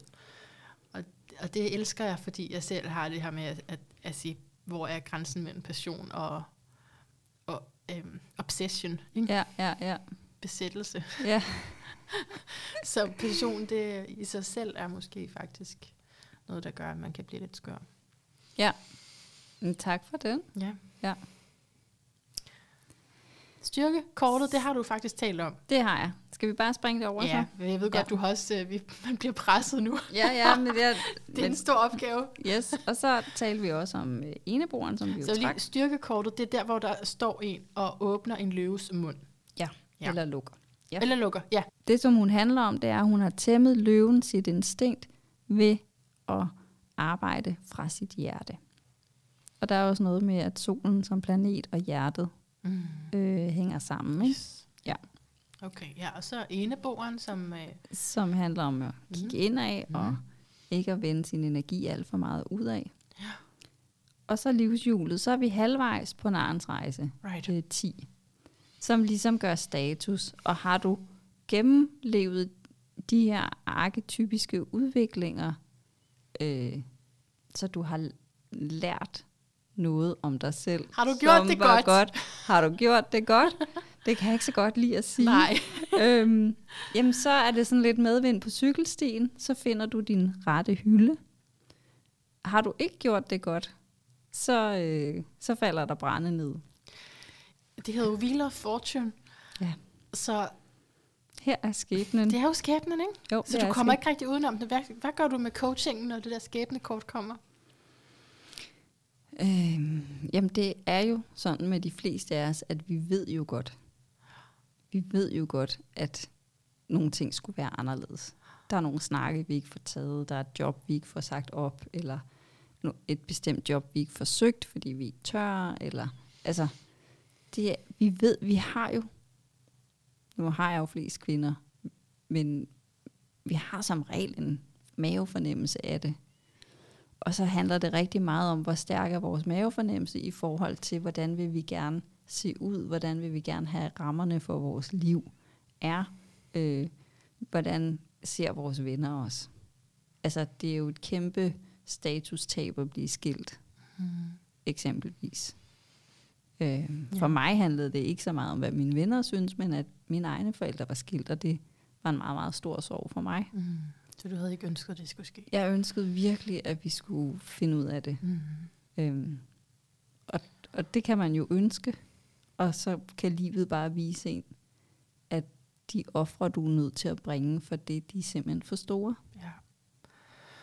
Og så man kan sidde fast i nogle idealer, det kender jeg for mig selv, Ja. om hvordan tingene skulle være. ja. Så når man trækker Wheel of Fortune, skæbne, hvad kalder du det? Skæbnehjulet. Skæbnehjulet. Mm. Betyder det så, der er ikke noget, du kan gøre andet end det, der er sket? Altså, Øhm, jamen altså, hvis du trækker den retvendt, Ja. så er det jo som regel, nu er du ved at finde din hylde. Okay. Altså, nu finder du din plads. mm. Eller det her, det sker for at hjælpe dig med at finde Mhm. mm. din plads. Mhm.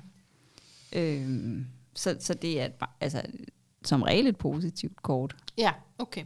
Altså det, det er sådan, fedt, nu er du halvvejs. Mm. Nu er der, nu er der lige langt frem og tilbage, kan man sige. Ikke? Ja, okay, men også sådan konsekvenserne af det, der er gået forud. Altså, sådan Ja. er det jo. På baggrund af det, du har erfaret og lært, Ja. ja. så øh, kan du nu finde din plads, eller Right. nu vil det være nemt for dig ligesom at... at Ja, okay, fordi det med skilsmissen, det var jo så også, men så fandt du din plads. Altså, det var Ja. også noget af det, der skulle skæres fra, eller netop. forlades. Ja. Og, og det er jo det, som alle, der har prøvet nogle større kriser, er lidt op i årene, så har vi alle sammen prøvet mm. et eller andet, og nogen, der var Mm. døde, eller nogen, der blev meget syge, eller Mm. Øh, og det er jo, at det giver os en hel masse, når vi har Altså, Ja. ja. vi forstår noget mere om os selv. Vi når nogle dybere lag, vi skralder noget af. Kan du huske, jeg snakkede om det der skorpion? Ja, That's it. Og hvis man har en del skorpion med sig, det har jeg også, så er det... Nej, jeg tør det ikke sige det. spændende. Jeg skulle til at sige krise på krise, men altså, det er i hvert fald, øh, det, det er nogle gange sådan, indtil man øh, finder ud af sin vej. Ikke? Det er nogle Ja. gange sådan, man vokser, indtil man finder sin vej. For det netop handler om sjælens vækst. Det, ja. Som, det der er årsagen til de der mørke, den mørke tid, mørke oplevelser. Mm. Jeg synes, der har været lidt mange. Ja, det er Ja. det. det er, vi- sådan har vi det. Så det, var lidt rigeligt. Men så er man Men, så øh, klar. Det var sgu godt, man blev til noget andet. 40. og Så... Ja, var det godt at blive 40? Nej, jeg ved Nå. Nå. ikke, om det var lige der. Altså, min, min- jeg var 39, da min far døde, ikke? Ja. Og jeg var i, man kan også regne sit årsjul, og det kan man også øh, læse om, hvordan man gør. Mm. Eller ikke årsjul, sit årskort. Mm. Og mit årskort, det år min far døde, var øh, skæbne jul. Så det, det var virkelig sådan, der skal ske noget, ikke?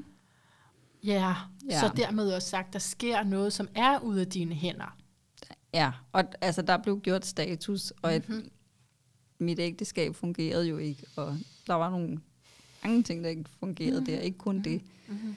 Og der blev der jo så, og det var også derfor, at det måske var nemmere at tage den der dybe beslutning om, at nu vil jeg fandme tage ansvar for mig selv, og nu vil jeg lave noget, der gør mig glad. Og det må jeg så finde ud af, hvad det er. Det er også typisk det er mellem 40 til 42 ens Neptun kvadrat, at det, det, Okay. det er en total forvirring, men på den anden side, så venter der en uranus opposition, som gør, at man går mere sin egen vej. Nå, nu skal vi videre i helterejsen. Ja, ja, men det, Ja, er, så det, det er er svært den der. Ja, Ja, men som, altså nogle gange møder folk deres store kærlighed, eller altså det, og som ikke nødvendigvis holder, men altså sådan, at der, man får blik for en højere form for kærlighed, end den man har dyrket før, så, Mm. på forskellige måder. Ja. spændende. Mm. Nå, men når man så har fundet ud af, om man øh, sidder på den rigtige hylde, Ja. eller man er blevet kast, skal kastes af, så Ja. møder man retfærdigheden, trumf nummer 11. Ja. Øh, og retfærdigheden handler ligesom om, om at opveje, øh, at de ting, der er sket i mit liv, gået retfærdigt til. Øh, og når man laver Hmm. det, det er jo det er øhm, Vægten. vægten. Ja. Mm. Det er faktisk det eneste kort, jeg synes passer til. Så det ja, er, det, derfor det, det er også derfor, jeg vil nævne det. Det er det, der passer bedst, kan man sige. Ja, til det Øhm. astrologiske vægtens tegn. Ja. Der får man ligesom opvejet for og Mhm. imod, og, og der, kan du, der kan du ligesom tage den læring ind, der har ligget i uretfærdigheden, at du stod op for dig selv, hvis du var blevet uretfærdigt behandlet, eller sådan.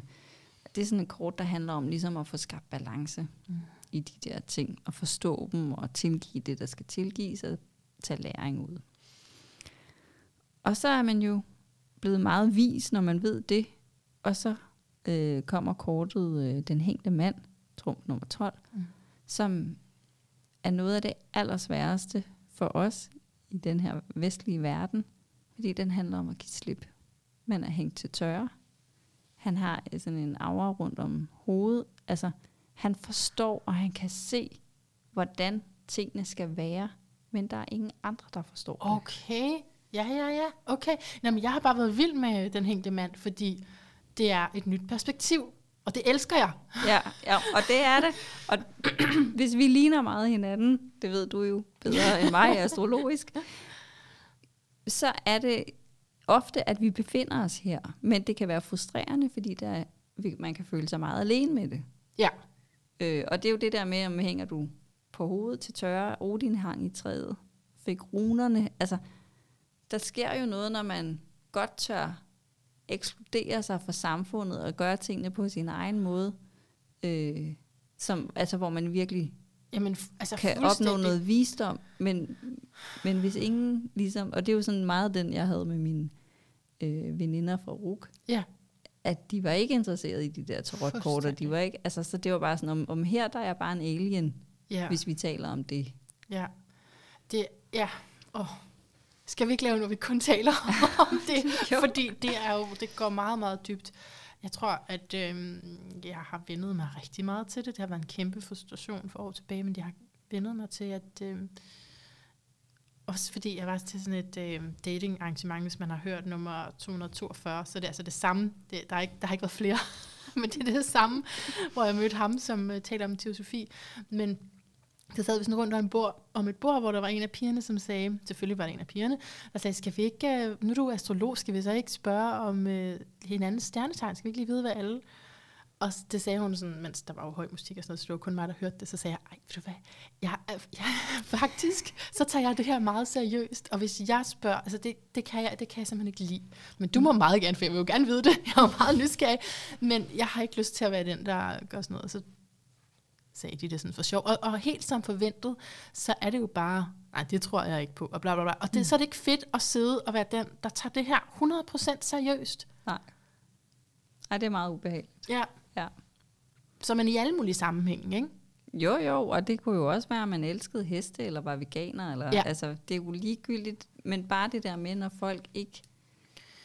Og jeg tror, når man er inden for det spirituelle, så er der mange, der har mange hang-ups på det. Så skal man forsvare, at en eller anden astrolog for 20 år siden har fortalt dem Ja. et eller andet. Eller, altså, Ja, sådan, mm, altså, det ved jeg da ikke, hvorfor den person har sagt. Nej. Øhm, Og nogle gange er det faktisk også manglende viden. Selvfølgelig kan vi godt svine andre til at sige, at det var også bare en øh, virkelig dårlig astrolog, eller så var det lækker. Men det, det er jo også noget med, at det er meget svært at formidle de her budskaber. Og hvis personen havde forstået det omkringliggende landskab, så havde det ikke været samme budskab, den Og det er den fået. ene ting. Den anden ting er, det ved jeg ikke, om, om du optager jeres samtaler, men det gør jeg Jo. altid. Jo. Og det er, at vi, øh, vi skiller simpelthen ting fra. Altså, jeg har også gået nogen, hos nogen, hvor jeg har optaget, hvad de har sagt. Jeg har jo op, Du alle... husker mest det negative jo. ikke? Altså vores hukommelse, vores hjerner husker det negative. Ja, eller vi husker sådan noget med, det skal vi bare gøre. Ja.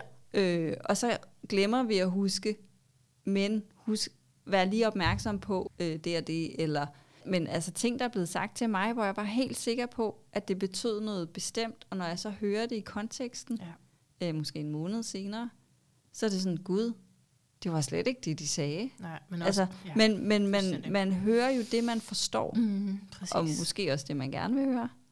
Ja. Og så, så der falder nogle nuancer fra, og det er derfor også, det er vigtigt at høre sin, sin bånd, har jeg lyst til at sige. Jeg har jo Ja. kassettebånd fra Okay. min far, ikke? Ja, ja, ja. Øh, men altså, sine lydfiler, og lige sådan, hvad var det egentlig, hun sagde? Fordi man når jo virkelig at sige meget om de her kort. Fuldstændig. Man kan ikke rumme det hele lige der. Og der Nej. kører sådan nogle sjove nogen på Instagram med øh, sådan nogle billeder, hvor at der sidder sådan en psychic over for en, ikke? en klient, ikke? Mm. og så siger den her psychic, øh, det er dit ego, der er skyld i det hele, du skaber selv det her, og så siger klienten, jeg skal lige have et nyt kort. Ja.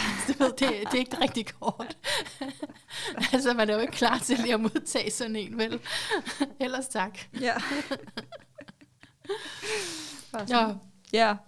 alright. Så, så den hægte mand. Ja. Og, og processen er jo at vide noget, opdage, jeg kan ikke kommunikere det, Mm.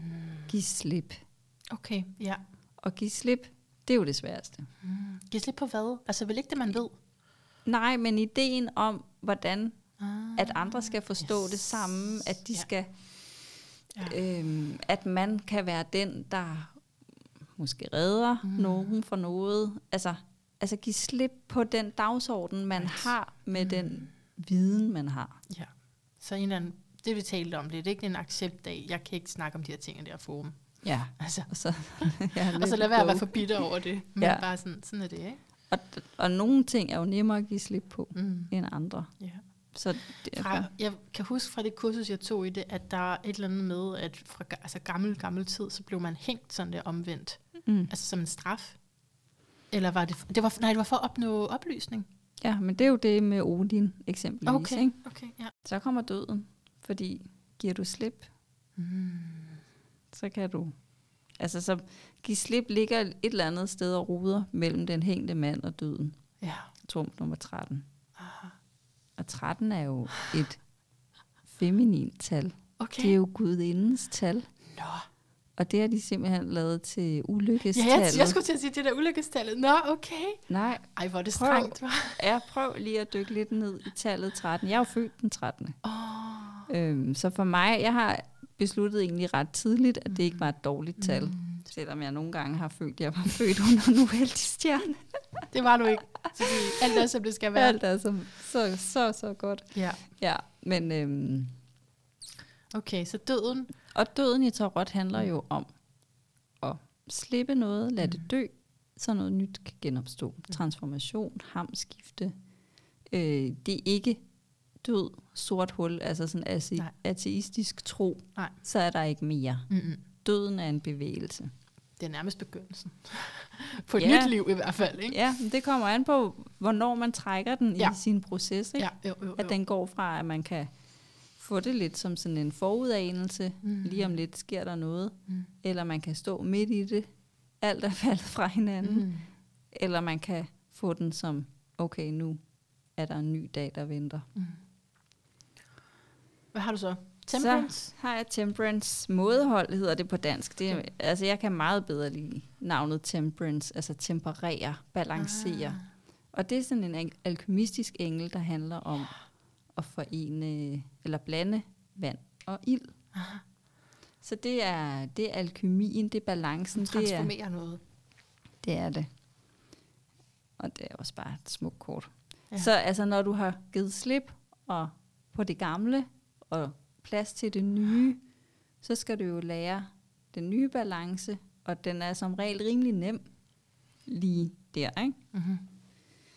Kommer så, så kommer 15, og så synes man jo, at man, øh, nu kan jeg lave guld, nu kan jeg bare få alt til at ske. Så kommer djævlen, trumf nummer 15, Ja. vores ego, og tror, vi ejer hele verden, og vi skal køre i store biler og have mange sommerhuse og bo halvdelen af året i et eller andet sted, hvor solen skinner hele tiden. Right. Eller hvordan man nu... Altså, det er jo også begær, det er lyst, det er sex, det, men det er meget øh, materialisme og ego, ikke? Jo, eller det kan også være, at jeg vil være rockstjerne. Eller. det er jo parret fra The Lovers, ikke? Mm. som vi har De står her øh, bundet. afbildet der, ja, og så er der så den her store djævel imellem dem. Øh, så at de er trælbundne af deres lyster. Ja, Eller begær, ja, og det kan jo eller- både være Villa, Mm. øh, Volvo Ja. og Vorhund. Alt vi Ikke? Og betragter det jo som normalt, men det er stadig sådan noget, der går imod deres egentlige sjælsønsker. ja, Noget, det, er bl- så noget, der blinder dem. Altså, de er i hvert fald holdt fast, ikke? jo, Og men måske altså, også- synes du ikke også, at vi har skabt et samfund, hvor vi er enormt fastlåste? Jo, jo, jo. Altså, hvor rammerne for selvudfoldelse er ret li- Ja. små. Jo. Jo, i den grad. Og når vi, I pausen talte vi jo også om øh, arbejdsmarkedet, ikke også? Så hvordan man sælger sin sjæl der. Ja. Og det gør du jo, fordi at du sælger din tid. Altså, Ja. så tiden og energien er Ja. gået. Øh, og, og så var det det. Så den trælbundenhed, og så måske også i forhold til det seksuelle, hvis man har er i et partnerskab, hvor man det kun er det seksuelle, man, altså, nu har jeg lyst igen, ikke? Så skal jeg onanere, eller jeg skal, jeg skal have udløsning. Ja, Ikke? Frem for noget mere sjældent, hvor det er den, den dybere konnektitet, forbindelse til den anden, som ikke trælbinder en på samme måde. Altså, jeg taler erfaring. ja, ja, ja, jeg kan høre det. jeg prædiker ikke til andre. Det er, det er jo erfaringen af at, at blive... Ja, at komme ind i en afhængighed. Fordi jeg skal have sex, fordi jeg har den her lyst. Mm. Frem for at gøre det til et sjæleligt møde. Ja, eller bruge din seksuelle energi til at skabe noget kreativt. Ja. Altså, vi er jo vant til måske mange at køre på vreden Hmm. og få handlet. Mm. Og der er noget, der irriterer os, der er noget, vi gerne vil have, skal være på en anden måde. Men man kan jo også skabe i sin, fra sin seksuelle Mm. energi Ja. Og, kanalisere den over i noget. Mm. Mm. Ja, noget Det skabelse. jo noget skabelse. Så når man trækker det, så ved man ligesom, okay, ja, det, det er måske bare et billede, men noget som, igen, man ved godt, det er sådan, det er. Og jeg skal Altså, jeg vil faktisk gerne sige, rigtig mange trækker denne her. Og det handler om, at de skal være mere egoistiske. Altså, Nå, på den måde, okay. altså det er også den sunde egoist. Okay. Det kommer lidt an på, hvor den ligger i et oplæg. ja, ja, ja. Øh, så, så det er ikke sådan noget med, ah, nu mødte jeg djævlen, og så er jeg bare fanden, eller så Nej, er jeg nej. bare spise selv. Vi skal faktisk, øh, rigtig mange kvinder trækker den, og rigtig mange kvinder har brug for at få at vide, det er rigtig sundt at have dårlig samvittighed, fordi at det betyder, at du gør noget godt for dig selv, og ikke Hmm. sætter alle andres behov før dine egne. Right. Men den kunne man måske også tale om ud fra, hvis det er, at du er bundet. Hvad er du så bundet af? Andres forventninger til dig, normerne. Sagtens. Ja, præcis. Så det er i hvert fald et kald på mere inderlighed. Det, det er et kald på mere enlighed, og, og det er jo sådan en, altså, det er jo en interessant energi, fordi det spirituelle er egoet jo meget udskammet. Og det er jo der, den nye spirituelle mm. kommer ind. Jamen, hvad vil du egentlig? Hvad brænder du for? Hvad er du god til? Hvad synes du er sjovt? Det må vi gerne noget mere af, fordi det, det er et meget bedre sted at skabe fra, end at vi ligesom åbner os for et eller andet orakel. Nå, men det er det eneste Eller- sted. Altså, det går kun igennem egoet jo, ikke? Så jeg tror, det er igen det er for gammel tid med, at egoet skulle være. Men det er også... En, en ting er, at det er for gammel tid. I starten, når man går ind og lærer sig selv at kende, så tror jeg også, man har brug for den opdeling. Okay, mm. ja, det var mit ego. Altså, så det er på en måde en befrielse også at forstå det på den måde. Ja. Noget, som har spændt ben for det, jeg egentlig ville. Mm. Men når vi så vokser, så finder vi ud af, at det er faktisk, jeg skal have, jeg skal have den der del af mig med. Den er Ja. meget vigtig. Det Den er faktisk- meget Det vigtig. er den, jeg er. Og samtidig, så, så er det jo også, øh, når vi åbner os og, og gerne vil nogle mere spirituelle praksiser, så har- vores ego jo også den der med sådan, den der frygt. Ah, det, Ja. ja. det er ukendt. Mm. Altså, så er vi også lidt tilbage i styrken og løven. Ikke? Altså Mhm. det der frygten for, jamen hvad vil der ske, hvis jeg åbner op for det her? Hvem er jeg, hvis jeg... Altså, Mm. fordi jeg er jo også grådig, og jeg er jo også øh, misundelig, og jeg er jo også... Altså, ja. det er vi jo alle sammen. Mm. Og, og det sted har ego ikke lyst til Nej. ligesom at skal blottes, Mm, fordi ja. så bliver det mindre, og det er jo en del af ego. ja, Så jeg forstår. Mm. Ja. Jeg kan ikke sige det lige så godt, men jeg forstår. Jeg nikker. dejligt, øhm, så længe du er med. Jeg er med. Yes. Og når vi så, hvis vi så bliver for egoistiske, vi kommer til at være for egostyret, så kommer tårnet, trumf nummer 16. Det hele kuldsejler og Det vælter. hele lortet skal ned. Jeg bander altså lidt. Det må, øhm, men tårnet symboliserer de her mure, vi bygger rundt om vores øh, lille følsomme jeg, Ja. som lynslaget slår ned, og det maskuline og det feminine er nødt til at kaste sig ud, og det er altså en tvungen gislip. Altså der er vi jo forbi den hængte mand og døden, hvor vi stadigvæk havde et valg. Her der er det bare, der er ikke noget at gøre. Og der kan vi tale om skæbne, ikke? Jeg trak det i forbindelse med mine smerter. Jeg kan ikke huske specifikt spørgsmålet, men altså... Det er jo også sådan, hvis du først kommer dertil, hvor du bliver invalid, altså Ja. i en eller anden, bare en mindre grad for mit vedkommende, Mm. men noget, der vidderligt standser dig, men så skal der jo ske noget andet. Du, Det skal du, der. Du kan ikke længere gå og overveje, om du skal det. Ja. Og den, den gode nyhed ved tårnet, det er, at den proces kan ikke ske uden ny indsigt. Og det er det, Mm. lynet symboliserer. right. Så, Uranus, lynet. så du, har en, altså, du har en opgave, Mm. men det vil give dig noget, som... Øh, altså, og det er jo også det, der er så mærkeligt, når man spørger folk, der har været ude for nogle forfærdelige ting. Så siger de, at jeg ville ikke have været det for Mm. uden. Men så astrologisk er det Mars, Ja. som også kunne være en, der udlægger. Mm. Ja. Nedbryder Mars. Altså det, det er vreden. Ja. Så også når vi, vi ser på horoskoper i forhold til, når der er sket et eller andet ude i verden, så kan Mars være den, der trigger det. Det er de større processer nede under de langsommere ydre planeter, som egentlig har gjort arbejdet. Mars kommer bare sådan, tuk, og så øh, bliver det ligesom udløst en eller anden øh, katastrofe, måske. Ikke? Det, så på den måde kan det stå for vold. Men hvis nu de der langsommere, dybere liggende processer ikke havde været til en negativ side, Mm. så ville det ikke være det, Mars havde gjort. Altså, så har han måske bare udløst noget. Mm. Forstår du? Ja. Så er nødt til at ske, men, men altså, den, det kan jo, alt kan jo være destruktivt, ikke? Jo, men når man, øh, hvis man arbejder med tårnets energi, Ja. så vil man også opdage, at man hurtigere kan transformere det. Altså det kan være, øh, at du ligesom giver slip på noget hurtigere, at du forstår noget hurtigere for at få indsigten. Right. Altså, Hvor ja. i stedet for ligesom, at du skal opholde, opretholde et eller andet status quo, mm. fordi du har en, et billede af, hvordan tingene skal være, Og jo lettere det bliver for dig at sige, jamen bare det er den rigtige retning, bare jeg bevæger mig tættere på, Mm-hmm. så er det ligegyldigt hvordan. Og så kan universet ligesom bedre hjælpe dig med at give dig de indsigter, du har brug for. Øh, fordi det ikke ligesom bliver på bekostning af dit ego, eller din, den øh, struktur, du har bygget omkring, Mm. om hvordan jeg er. Mm-hmm. Altså, så det gør dig meget mere fri. Mm.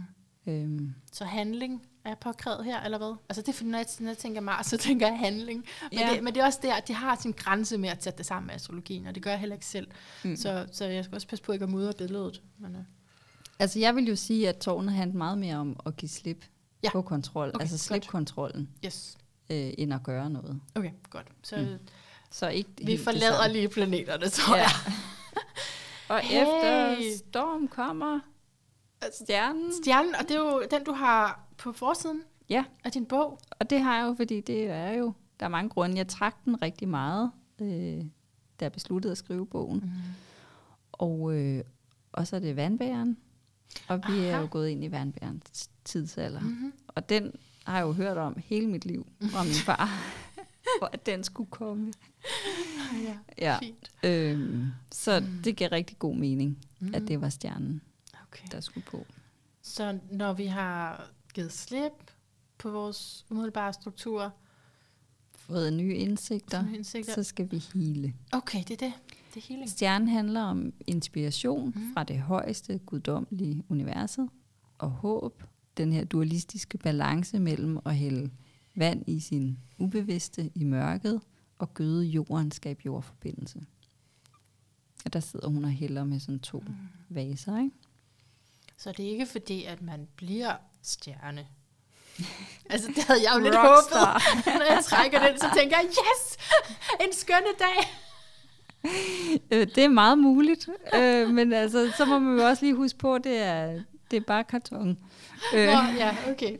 men, men det, som, det, som det umiddelbart er en besked af, det er, jeg, får, jeg bliver også begejstret, Okay, når jeg trækker den. Ja.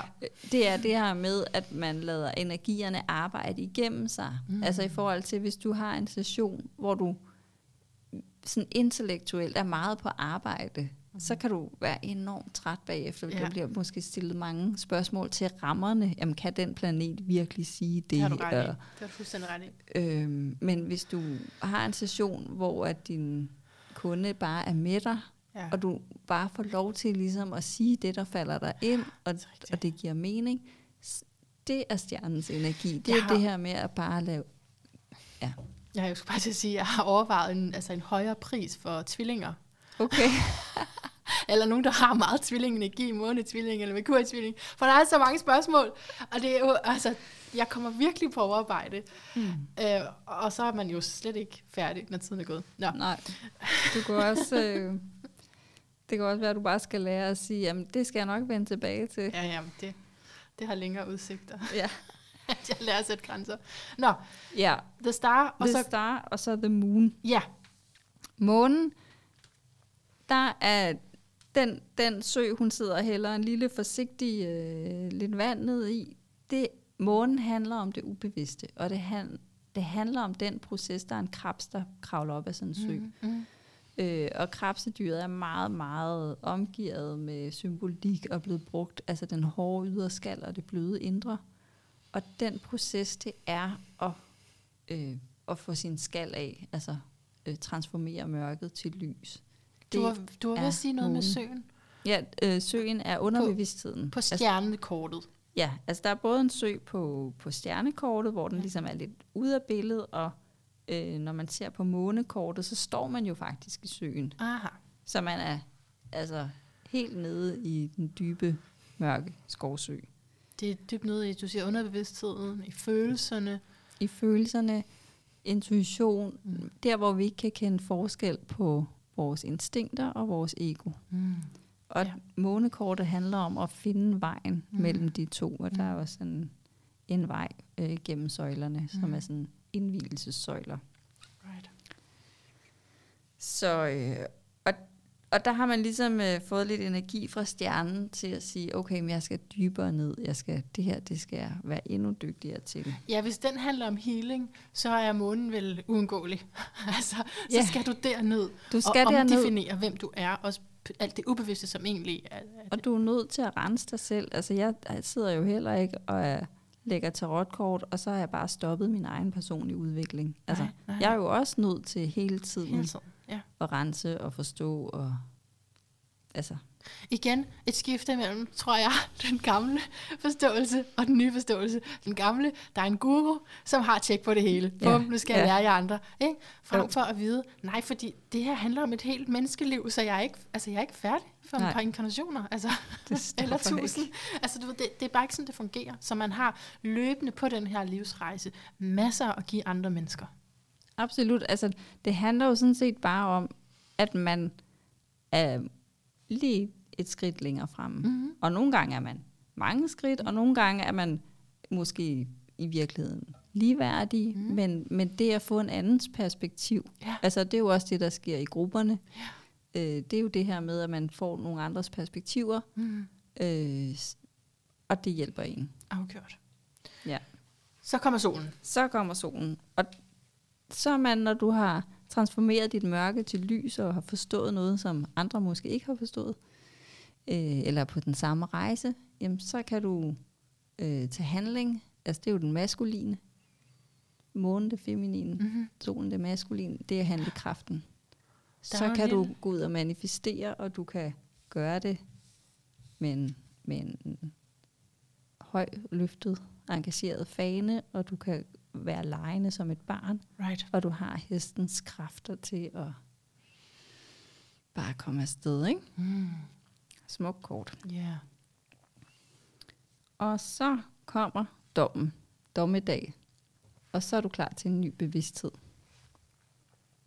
Ja, altså jeg har det bare blandet, når jeg trækker det, det der, hvor jeg lige ser sådan ud i ansigt. Fordi judgment, altså, jeg kommer fra altså, en meget religiøs tænkning, ikke? Mm. Og en, hvor vi har dyrket konceptet med dommedag. Så Mm. altså judgment står der bare på kortet, men selve billedet kunne man godt forestille sig, altså var dommedag. Ikke fordi der er nogen, der løb, kommer ud af deres grav, er det ikke sådan? Og så Jo, er der altså nogen, der manden og kvinden og barnet rejser sig fra deres grave. Og Ja. det er jo fordi, man vækker den maskuline energi. Du Okay. vækker din feminine energi, Okay. og du vækker barnet. Mhm. Øh, og så er der en engel, som trutter en trompet, ligesom mm. siger, så kan I godt vågne op. Mhm. Mm. Og det, som jeg tænker det, det er, øh, hvis du tænker øh, personlig udvikling cirkulær, altså så får, kan du få, ligesom komme et trin op. Den stiger jo så uendelig, ikke? Mhm. Så det er en... Øh, Ja, så ikke bare cirkulær, men spiral, ikke? Det er det, du præcis, mener? Ja, spiral, den går opad. Yes. Ja. Og det som, det, som kortet ligesom fortæller, det er, jamen nu har du chancen for at tage et syvmileskridt i din personlige udvikling. Ah. Øh, og det har intet at gøre med, hvad der sker i verden. Nej, fordi altså, jeg kunne godt lige føle sådan, nå, altså, ja, og det er jo klart med den, hvis du kommer fra et sted, hvor man har talt meget om det, og hvordan det så ud. Ja, fuldstændig. Prøv at forestille dig, at du skulle til dommedag nu. Altså, er der nogle ting, du ikke har tjekket på? Ja, et par stykker. Ikke? Eller bare det hele. Og skulle dømmes på det. Ja, så, Ja. ja. Men det, det, altså jeg har opdaget, fordi jeg har også haft svært ved at forstå kortet, fordi det er så stort og uhåndgribeligt. Mm. Men det er jo sådan lidt, hvis du nu godt ved, at øh, du ikke kan tåle at se flere mennesker i den her uge, Ah, og så ringer der en, som du ikke har set længe, og som du virkelig holder af, og, som, og det kunne lige passe, og de er i København, hvad ved jeg, men du ved bare godt, at det skal ikke være. Altså, du har brug for ikke at se nogen. hvad siger judgment så? Så siger judgment, at hvis du følger dig selv, det du ved er rigtigt for dig, det giver dig adgang til en ny bevidsthed. Aha. Okay, ja. Altså, det er jo det der Mm. med at tage det ansvar for os Mm. selv dybt, dybt inde, som vi godt ved, men hvor vi sådan, ah, men altså, om jeg lige holder fri den dag eller den dag, og det er måske, altså, vi laver alle de der undskyldninger. Kunne vi i stedet for kalde det ansvarskortet, så? Ja, det kunne vi godt. Altså, det der... Og, det, og her er det, og det er fordi, at når man trækker det her kort, så bliver det meget tydeligt. Du ved godt, hvad der er det rigtige. Ah, På den måde, ja. Det, det er lettere for dig at se mm. vejen, når du har mulighed for at gribe den. Mm. Du kan jo også bare øh, sige nej tak, og så får du en chance senere. Mm. Det kan godt være, at du så lige skal tilbage forbi djævlen og tårn. og sådan. Du skal nok få en chance til. Ja. Ja. Det er sjovt, ikke, hvad der sker med min hukommelse også, fordi jeg har jo lært, hvad det kort betyder. Men øh, fordi det andet er så tydeligt stadigvæk, ikke? Ja. efter omkring 30 års indoktrinering, eller en bestemt tro, som har haft det her mm, koncept af dommedag, så er det stadigvæk det, der står tydeligst for mig. Mm. Og det tænker jeg, det er også derfor, man diskuterer forskellige kort, man kan bruge, fordi de taler til en forskelligt, og Ja. så videre. Ja. Ja. Fordi det er ret vigtigt, at man ikke tror, det er noget andet. Altså, Ja, ja, altså, men det kan da også godt være, at der er nogen, der har trukket det der lige inden corona, og, og har og kunne læse det i en samfundsmæssig... Ja. Øh, altså, det skal jeg ikke kunne sige, der ikke har været, men jeg bruger jo bare kun kortene personligt. ah, Altså, jeg er ikke ret interesseret i at lægge kort på valg Nej. og politik, eller hvad det nu kan fordi altså, det interesse, samfundet interesserer mig jo, men, Nej, det er personlig udvikling. men personlig Ja. udvikling, det er det, det handler om for mig. Mm. Jo, men, ja, men selv hvis det er på det, så er det i hvert fald for, en forkert association til, nu er der nogen, der skal dømmes for det forkerte, de har gjort. Ikke? Ja. Men samtidig kan det jo godt være, at fra den tid, at der er nogle overleveringer, mm. som har præget det kort. Absolut. Men altså, jeg ser helt klart kortet som en, en opvågning, Ja, og ikke en nedlukning. yes. Altså, så vi, altså dommedag, som du snakker om det, der vil jeg jo mere sige, det var tårnet. okay. Altså, Ja, mm, men stadig ikke ind i den forståelse af, at du har gjort noget forkert, og derfor så får du den her dom, men mere, øh, hvad har, du kan sige, du har forbrudt dig imod dig selv, eller det her jo, men altså, hvis jeg, ja, hvis jeg er holder fast i, at øh, jeg vil tjene så og så mange penge. Mm. og jeg vil have øh, en bestemt status på mit job, Mm. men jeg er ved at dø af angst, Ja. øh, og, og jeg lytter ikke til mit behov for at være alene eller stille eller ikke at arbejde. Mm. Men jeg kører bare på. Mm. Jamen, så får du tårnet. Altså, så, og ja. det er jo forskelligt, om, om folk kollapser, eller de bliver depressive, de får angst, eller deres krop, at de ikke kan høre noget. Altså, det er jo Men- meget forskelligt. Ja, men det er derfor, at det er vigtigt, at man har styr på en eller anden form for filosofi under tarotkortene. Fordi det, som jeg kommer fra, der er det jo nogle andre, der bedømmer det. Det er en Gud, Mm. der bedømmer. Hvor at det, jeg synes, jeg hører, du taler om, altså der er det mere et, et samarbejde med sig selv, eller ens underbevidsthed, eller ens sjæls livsformål. Ja, sådan ser jeg det. Ja. At man har, man har frie valg, Mm. Og de valg kan så føles mindre frie, fordi man har en forestilling om, hvem man gerne vil være, eller hvad der er godt at gøre i samfundet. Og det kan jo sagtens være, at man har nogle meget ambitiøse forældre, eller øh, man er en familie, der er kunstnere, så man gør selvfølgelig, og det ligger måske bare ikke til en. Øh, og på den måde bliver man mast, Mm. fordi der er, nogle, der er et ydre pres og et indre pres. Og det handler om at... Det handler om at f- være tro ved sig selv ja, jo. Det er så, ja, perfekt. Nå, så har vi det sidste kort. Så kommer vi til Trump 21, som hedder Verdenen, og der står der en nøgen kvinde med sådan et slør hen over sit køn. Man siger, at der godt kunne være et mandligt kønsorgan inde bagved, Ah. fordi hun er det feminine og det maskuline forenet. Yes. Og hun står i sådan en laverbærkrans og har sejret. Mm. Og så er hun ligesom igennem hele den her udvikling, så har hun lært det. Og dommedag var ligesom det, ah, det er sådan her, jeg skal gøre det der, jeg skal sige nej, det er der, jeg skal sige ja.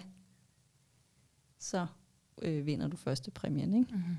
Kan stille dig op på pedestalen med tryllestavene. Og så er der jo de fire evangelier, eller de fire øh, elementer repræsenteret i verdenshjørnerne. Så man er igennem. Så er man igennem. Og så siger Naren, ej, hvor var det sjovt. Nu tager jeg en tur til. Ja. Ja. Og det kan altså være også sådan kapitler af ens liv. Det er ikke sådan, det er først, når man er 87, eller hvor gammel man nu bliver. det, det er også... øh, Det er hele tiden, og Ja. jeg tror, man har flere, altså man kører måske i en, øh, en ring i, med sine børn, en anden med karriere, med sin partner. Altså, man kan godt have flere sideløbende processer jo. Mm. Ja. Det er simpelthen en beskrivelse af vores mm, udvikling. Og når det så er en held, altså, ja, hvad var heldegærningen? Hvad har vi, hvad har vi lykkedes med, når vi kommer der til verden, verdenskortet?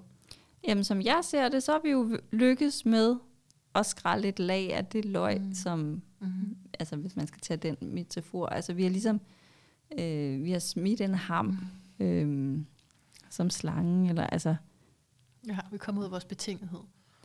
Ja, vi har, um, og, og det er jo også, det er jo så sjovt det her med, med det her, at man skal være ung. Altså, fordi jeg synes, Mhm. mm-hmm. jeg synes kun, det er sjovt at blive ældre. Ja. Altså, jeg er kun mere glad for livet og Måske for satte jeg selv. 87 for lavt. Ja. Det var, ja, undskyld. Ja, det var fordi, jeg tænkte på sådan en Uranus-runde, som var 84, og så tænkte jeg, ej, det er mere end det, og så kunne jeg ikke, kunne jeg ikke tænke højere op. Hvad, hvor, mange, hvor gammel bliver vi? 110? jeg, jeg ved det ikke, men altså, jeg synes Nej, jeg går også ind for kun, der, er- der er gode ting i vente. Jeg tror, vi er meget, meget enige, Sofie. Fedt. Altså, ja, Ja. ja. alderdom, det er skønt. Ja, Både selv at blive ældre, og at snakke med nogen, der er det. Ja. Og hvad er det godt, de der Uranus 40, de er slut. Det tager vi lige bagefter. det var Neptun kvadrat, jeg talte om. Men ja. fedt. Alright, altså, Ja. wow. Tak for indsatsen. Er du, hvordan har du? Er du udmattet? Lidt? Øh. Nej, det er jeg ikke. Nå, okay. Altså, okay. jeg, jeg egentlig bare... Så sidder jeg og tænker sådan, har vi talt nok om den ypperste præstdelen? Ja, vi kunne, den kunne vi godt lige runde af på. Ja. Altså ypperste præstdelen, trumf nummer to, som øh, er vores intuition. For mig, der står hun jo for den her feminine energi og den øh, tidsalder, vi er på vej ind i med mm. vandbæren. Og, og hele det her omkring, at vi skal lære, at det feminine er lige så vigtigt og værdifuldt som det maskuline. Ja. Og, og heldens rejse, øh, som jo meget er sådan en, en, ja, en heldegærning, så er hendes rejse sådan øh, ikke en pangdang, det hele på hovedet, men, men fuld af mange flere udfordringer og forhindringer. Øhm, fordi det handler om det indre arbejde, og ikke så meget, hvad man kan se ude på. Og vi er jo vant til, at man ligesom kan se, okay, her er Ja. en stjerne. Hun har gjort Ja. det godt. Ja. Op på en pedestal med dig. Men øh, folk som jeg selv og andre, som har arbejdet med os selv i overvis og hele livet øh, på alle mulige måder, det, altså, det, er der ikke, det kan man jo ikke se. Altså Ja. måske kan man fornemme det, men og jeg tror, at, at vi bliver flere og flere, der fornemmer og hurtigt kan finde ind i, når er vi på, er vi på den samme, altså forstår vi verden ens, Mm, er, vi, mm. er vi her for at bringe lys og glæde og inspirere, eller, altså, eller er vi her for at få status, eller altså, hvad er det for nogle værdier, der ligger i det? Det er igen et emne, jeg har lyst til at tale med dig om. Ud, altså udelukkende det her med, har vi to, ikke? Ja, jeg kommer gerne igen. Det, det, det er virkelig, fordi det er så stort og så vigtigt, det kan gøre mig så vred. For eksempel, nu giver jeg et, et lille eksempel, ikke? Mm. Noget, som forarver mig. Eller indinerer mig, eller altså... Når det er, at man får anerkendelse, for eksempel, du er, du er kommet med i TV2-nyhederne som ekspert, ikke? Ja. Hvilken anerkendelse er det? Ja, det er også flot, men det der så sker, så bliver det der billede af, at du var i TV2-nyhederne. Det bliver så postet på de sociale medier, og så siger folk, ej, hvor sejt! Så du får anerkendelse for at have fået anerkendelse. Ja. Altså, det er det, jeg ikke forstår. Eller at din bog har fået fem stjerner, der er en, en lektoranmeldelse eller bedømmelse. Og så får du anerkendelse, fordi det gik godt. Men mm. folk har ikke selv læst det. De har ikke for- forholdt sig til indholdet. Mm. Det gør mig simpelthen så vred, og jeg forstår det ikke, og jeg forstår ikke, at der ikke er nogen andre, der siger det her. altså, er det, det er, som, er det ikke rigtigt? Det er sådan et, ej, hvor sejt, du var med, du fik så mange stjerner, du kom op på hitlisterne, var det godt. Men hvad med dig selv personligt? Mm. Kan du lide musikken? Mm. Hvad, hvad ramte det dig? Hvad gjorde det ved dig? Ja. Er det ikke det, vi skal altså, fremme hos andre, eller anerkende andre for, frem for bare den ydre ambition? Absolut, men vi er, jo nødt til, vi er jo nødt til at have nogle steder, hvor vi får øjnene op for hinanden, Ja, ja. tænker jeg. Der er et praktisk problem, jeg ikke har tænkt igennem. Og, og Ja. der, det kræver jo, at der er nogen, der siger, det her det er godt, eller ham her er dygtig, eller hende her er dygtig. Jeg har respekt for mennesker, der sidder her og har lyttet til to timers dybdegående samtale om et emne, de går op i. Mm. Og så må de gerne sige, at det var godt. Men frem for det bare, ej Sofie, hvor sejt, du var med i den podcast, men de får aldrig lyttet til det. Det er så overfladisk Ja. og ligegyldigt. Og jeg forstår, altså det er et andet point- pointsystem, som min fisk ikke forstår.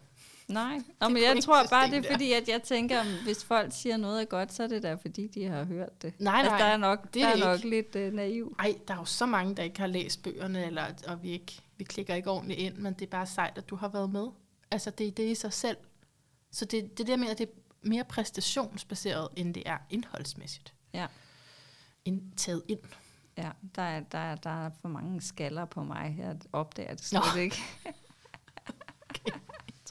Men jeg, jeg håber, du kunne høre, at det var egentlig det, du sagde. Det tror jeg da, det var, ikke? Var det ikke det? Jo, jamen, vi er Altså, helt det er- enige. okay, godt, det, det, jeg er bare så naiv, så jeg tror, at folk siger, at der ikke er noget godt, hvis ikke de ved det. Nej, men de synes jo, det er sejt, at du har været med. Jamen, det, men Det var kun din Men jeg appearance. føler jo også, at jeg har fortjent at være med, fordi at jeg Ja, ja. har arbejdet for det. Altså Jo. ved at lave det, jeg gerne vil. Jamen, hvorfor er det sejt i sig selv? Altså, hvorfor kan, kan det ikke være indholdet af det?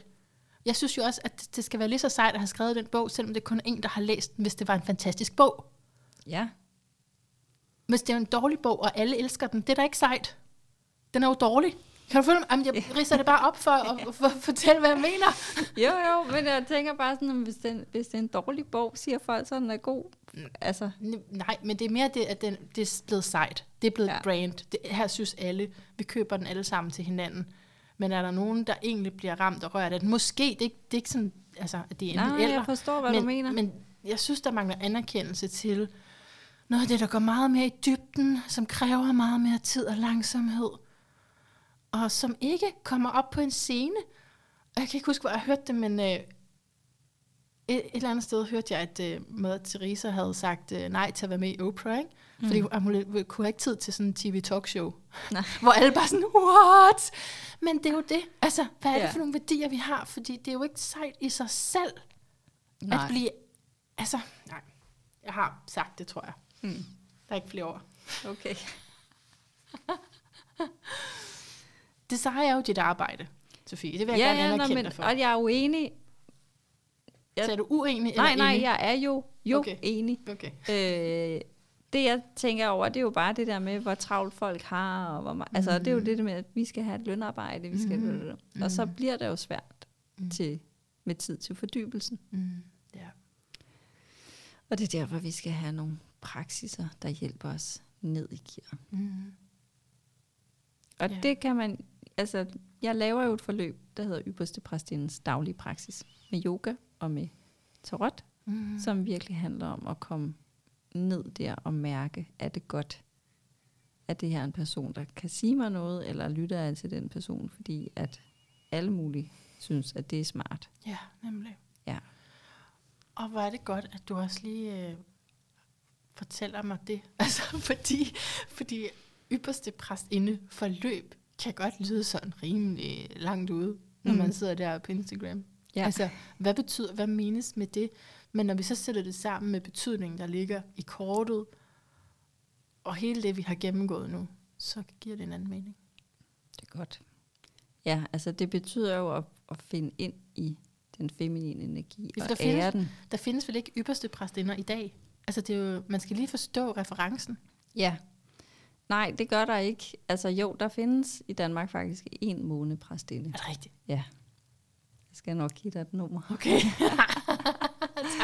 Og hun er fantastisk. Okay. Øh, og hun arbejder med ypperste præstinden, Maria Magdalene energien.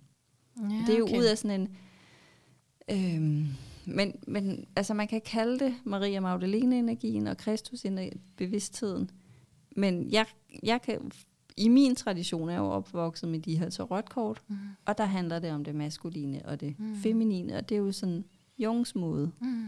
øh, som er nemmere at omsætte for mig.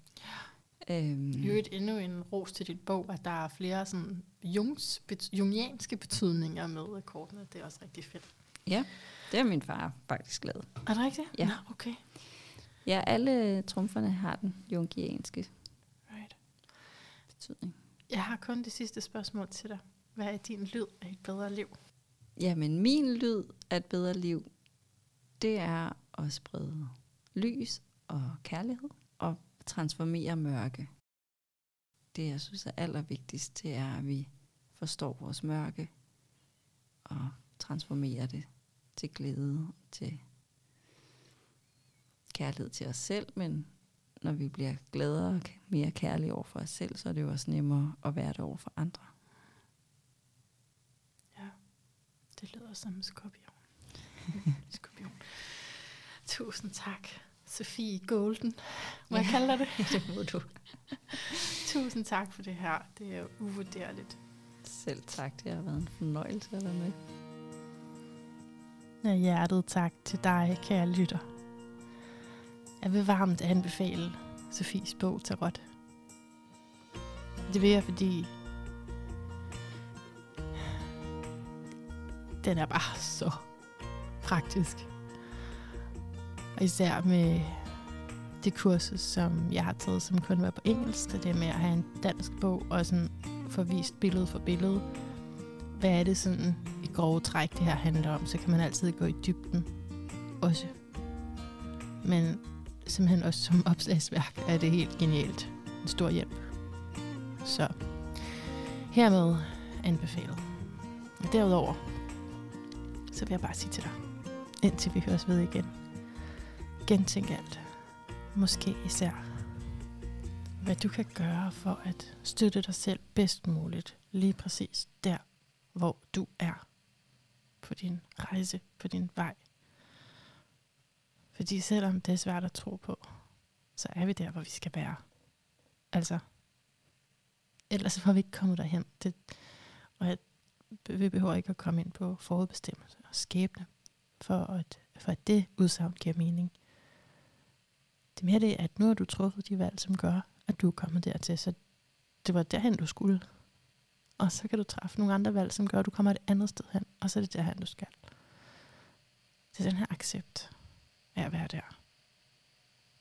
Så lad os være der med hjertet åbent for alt det bedste.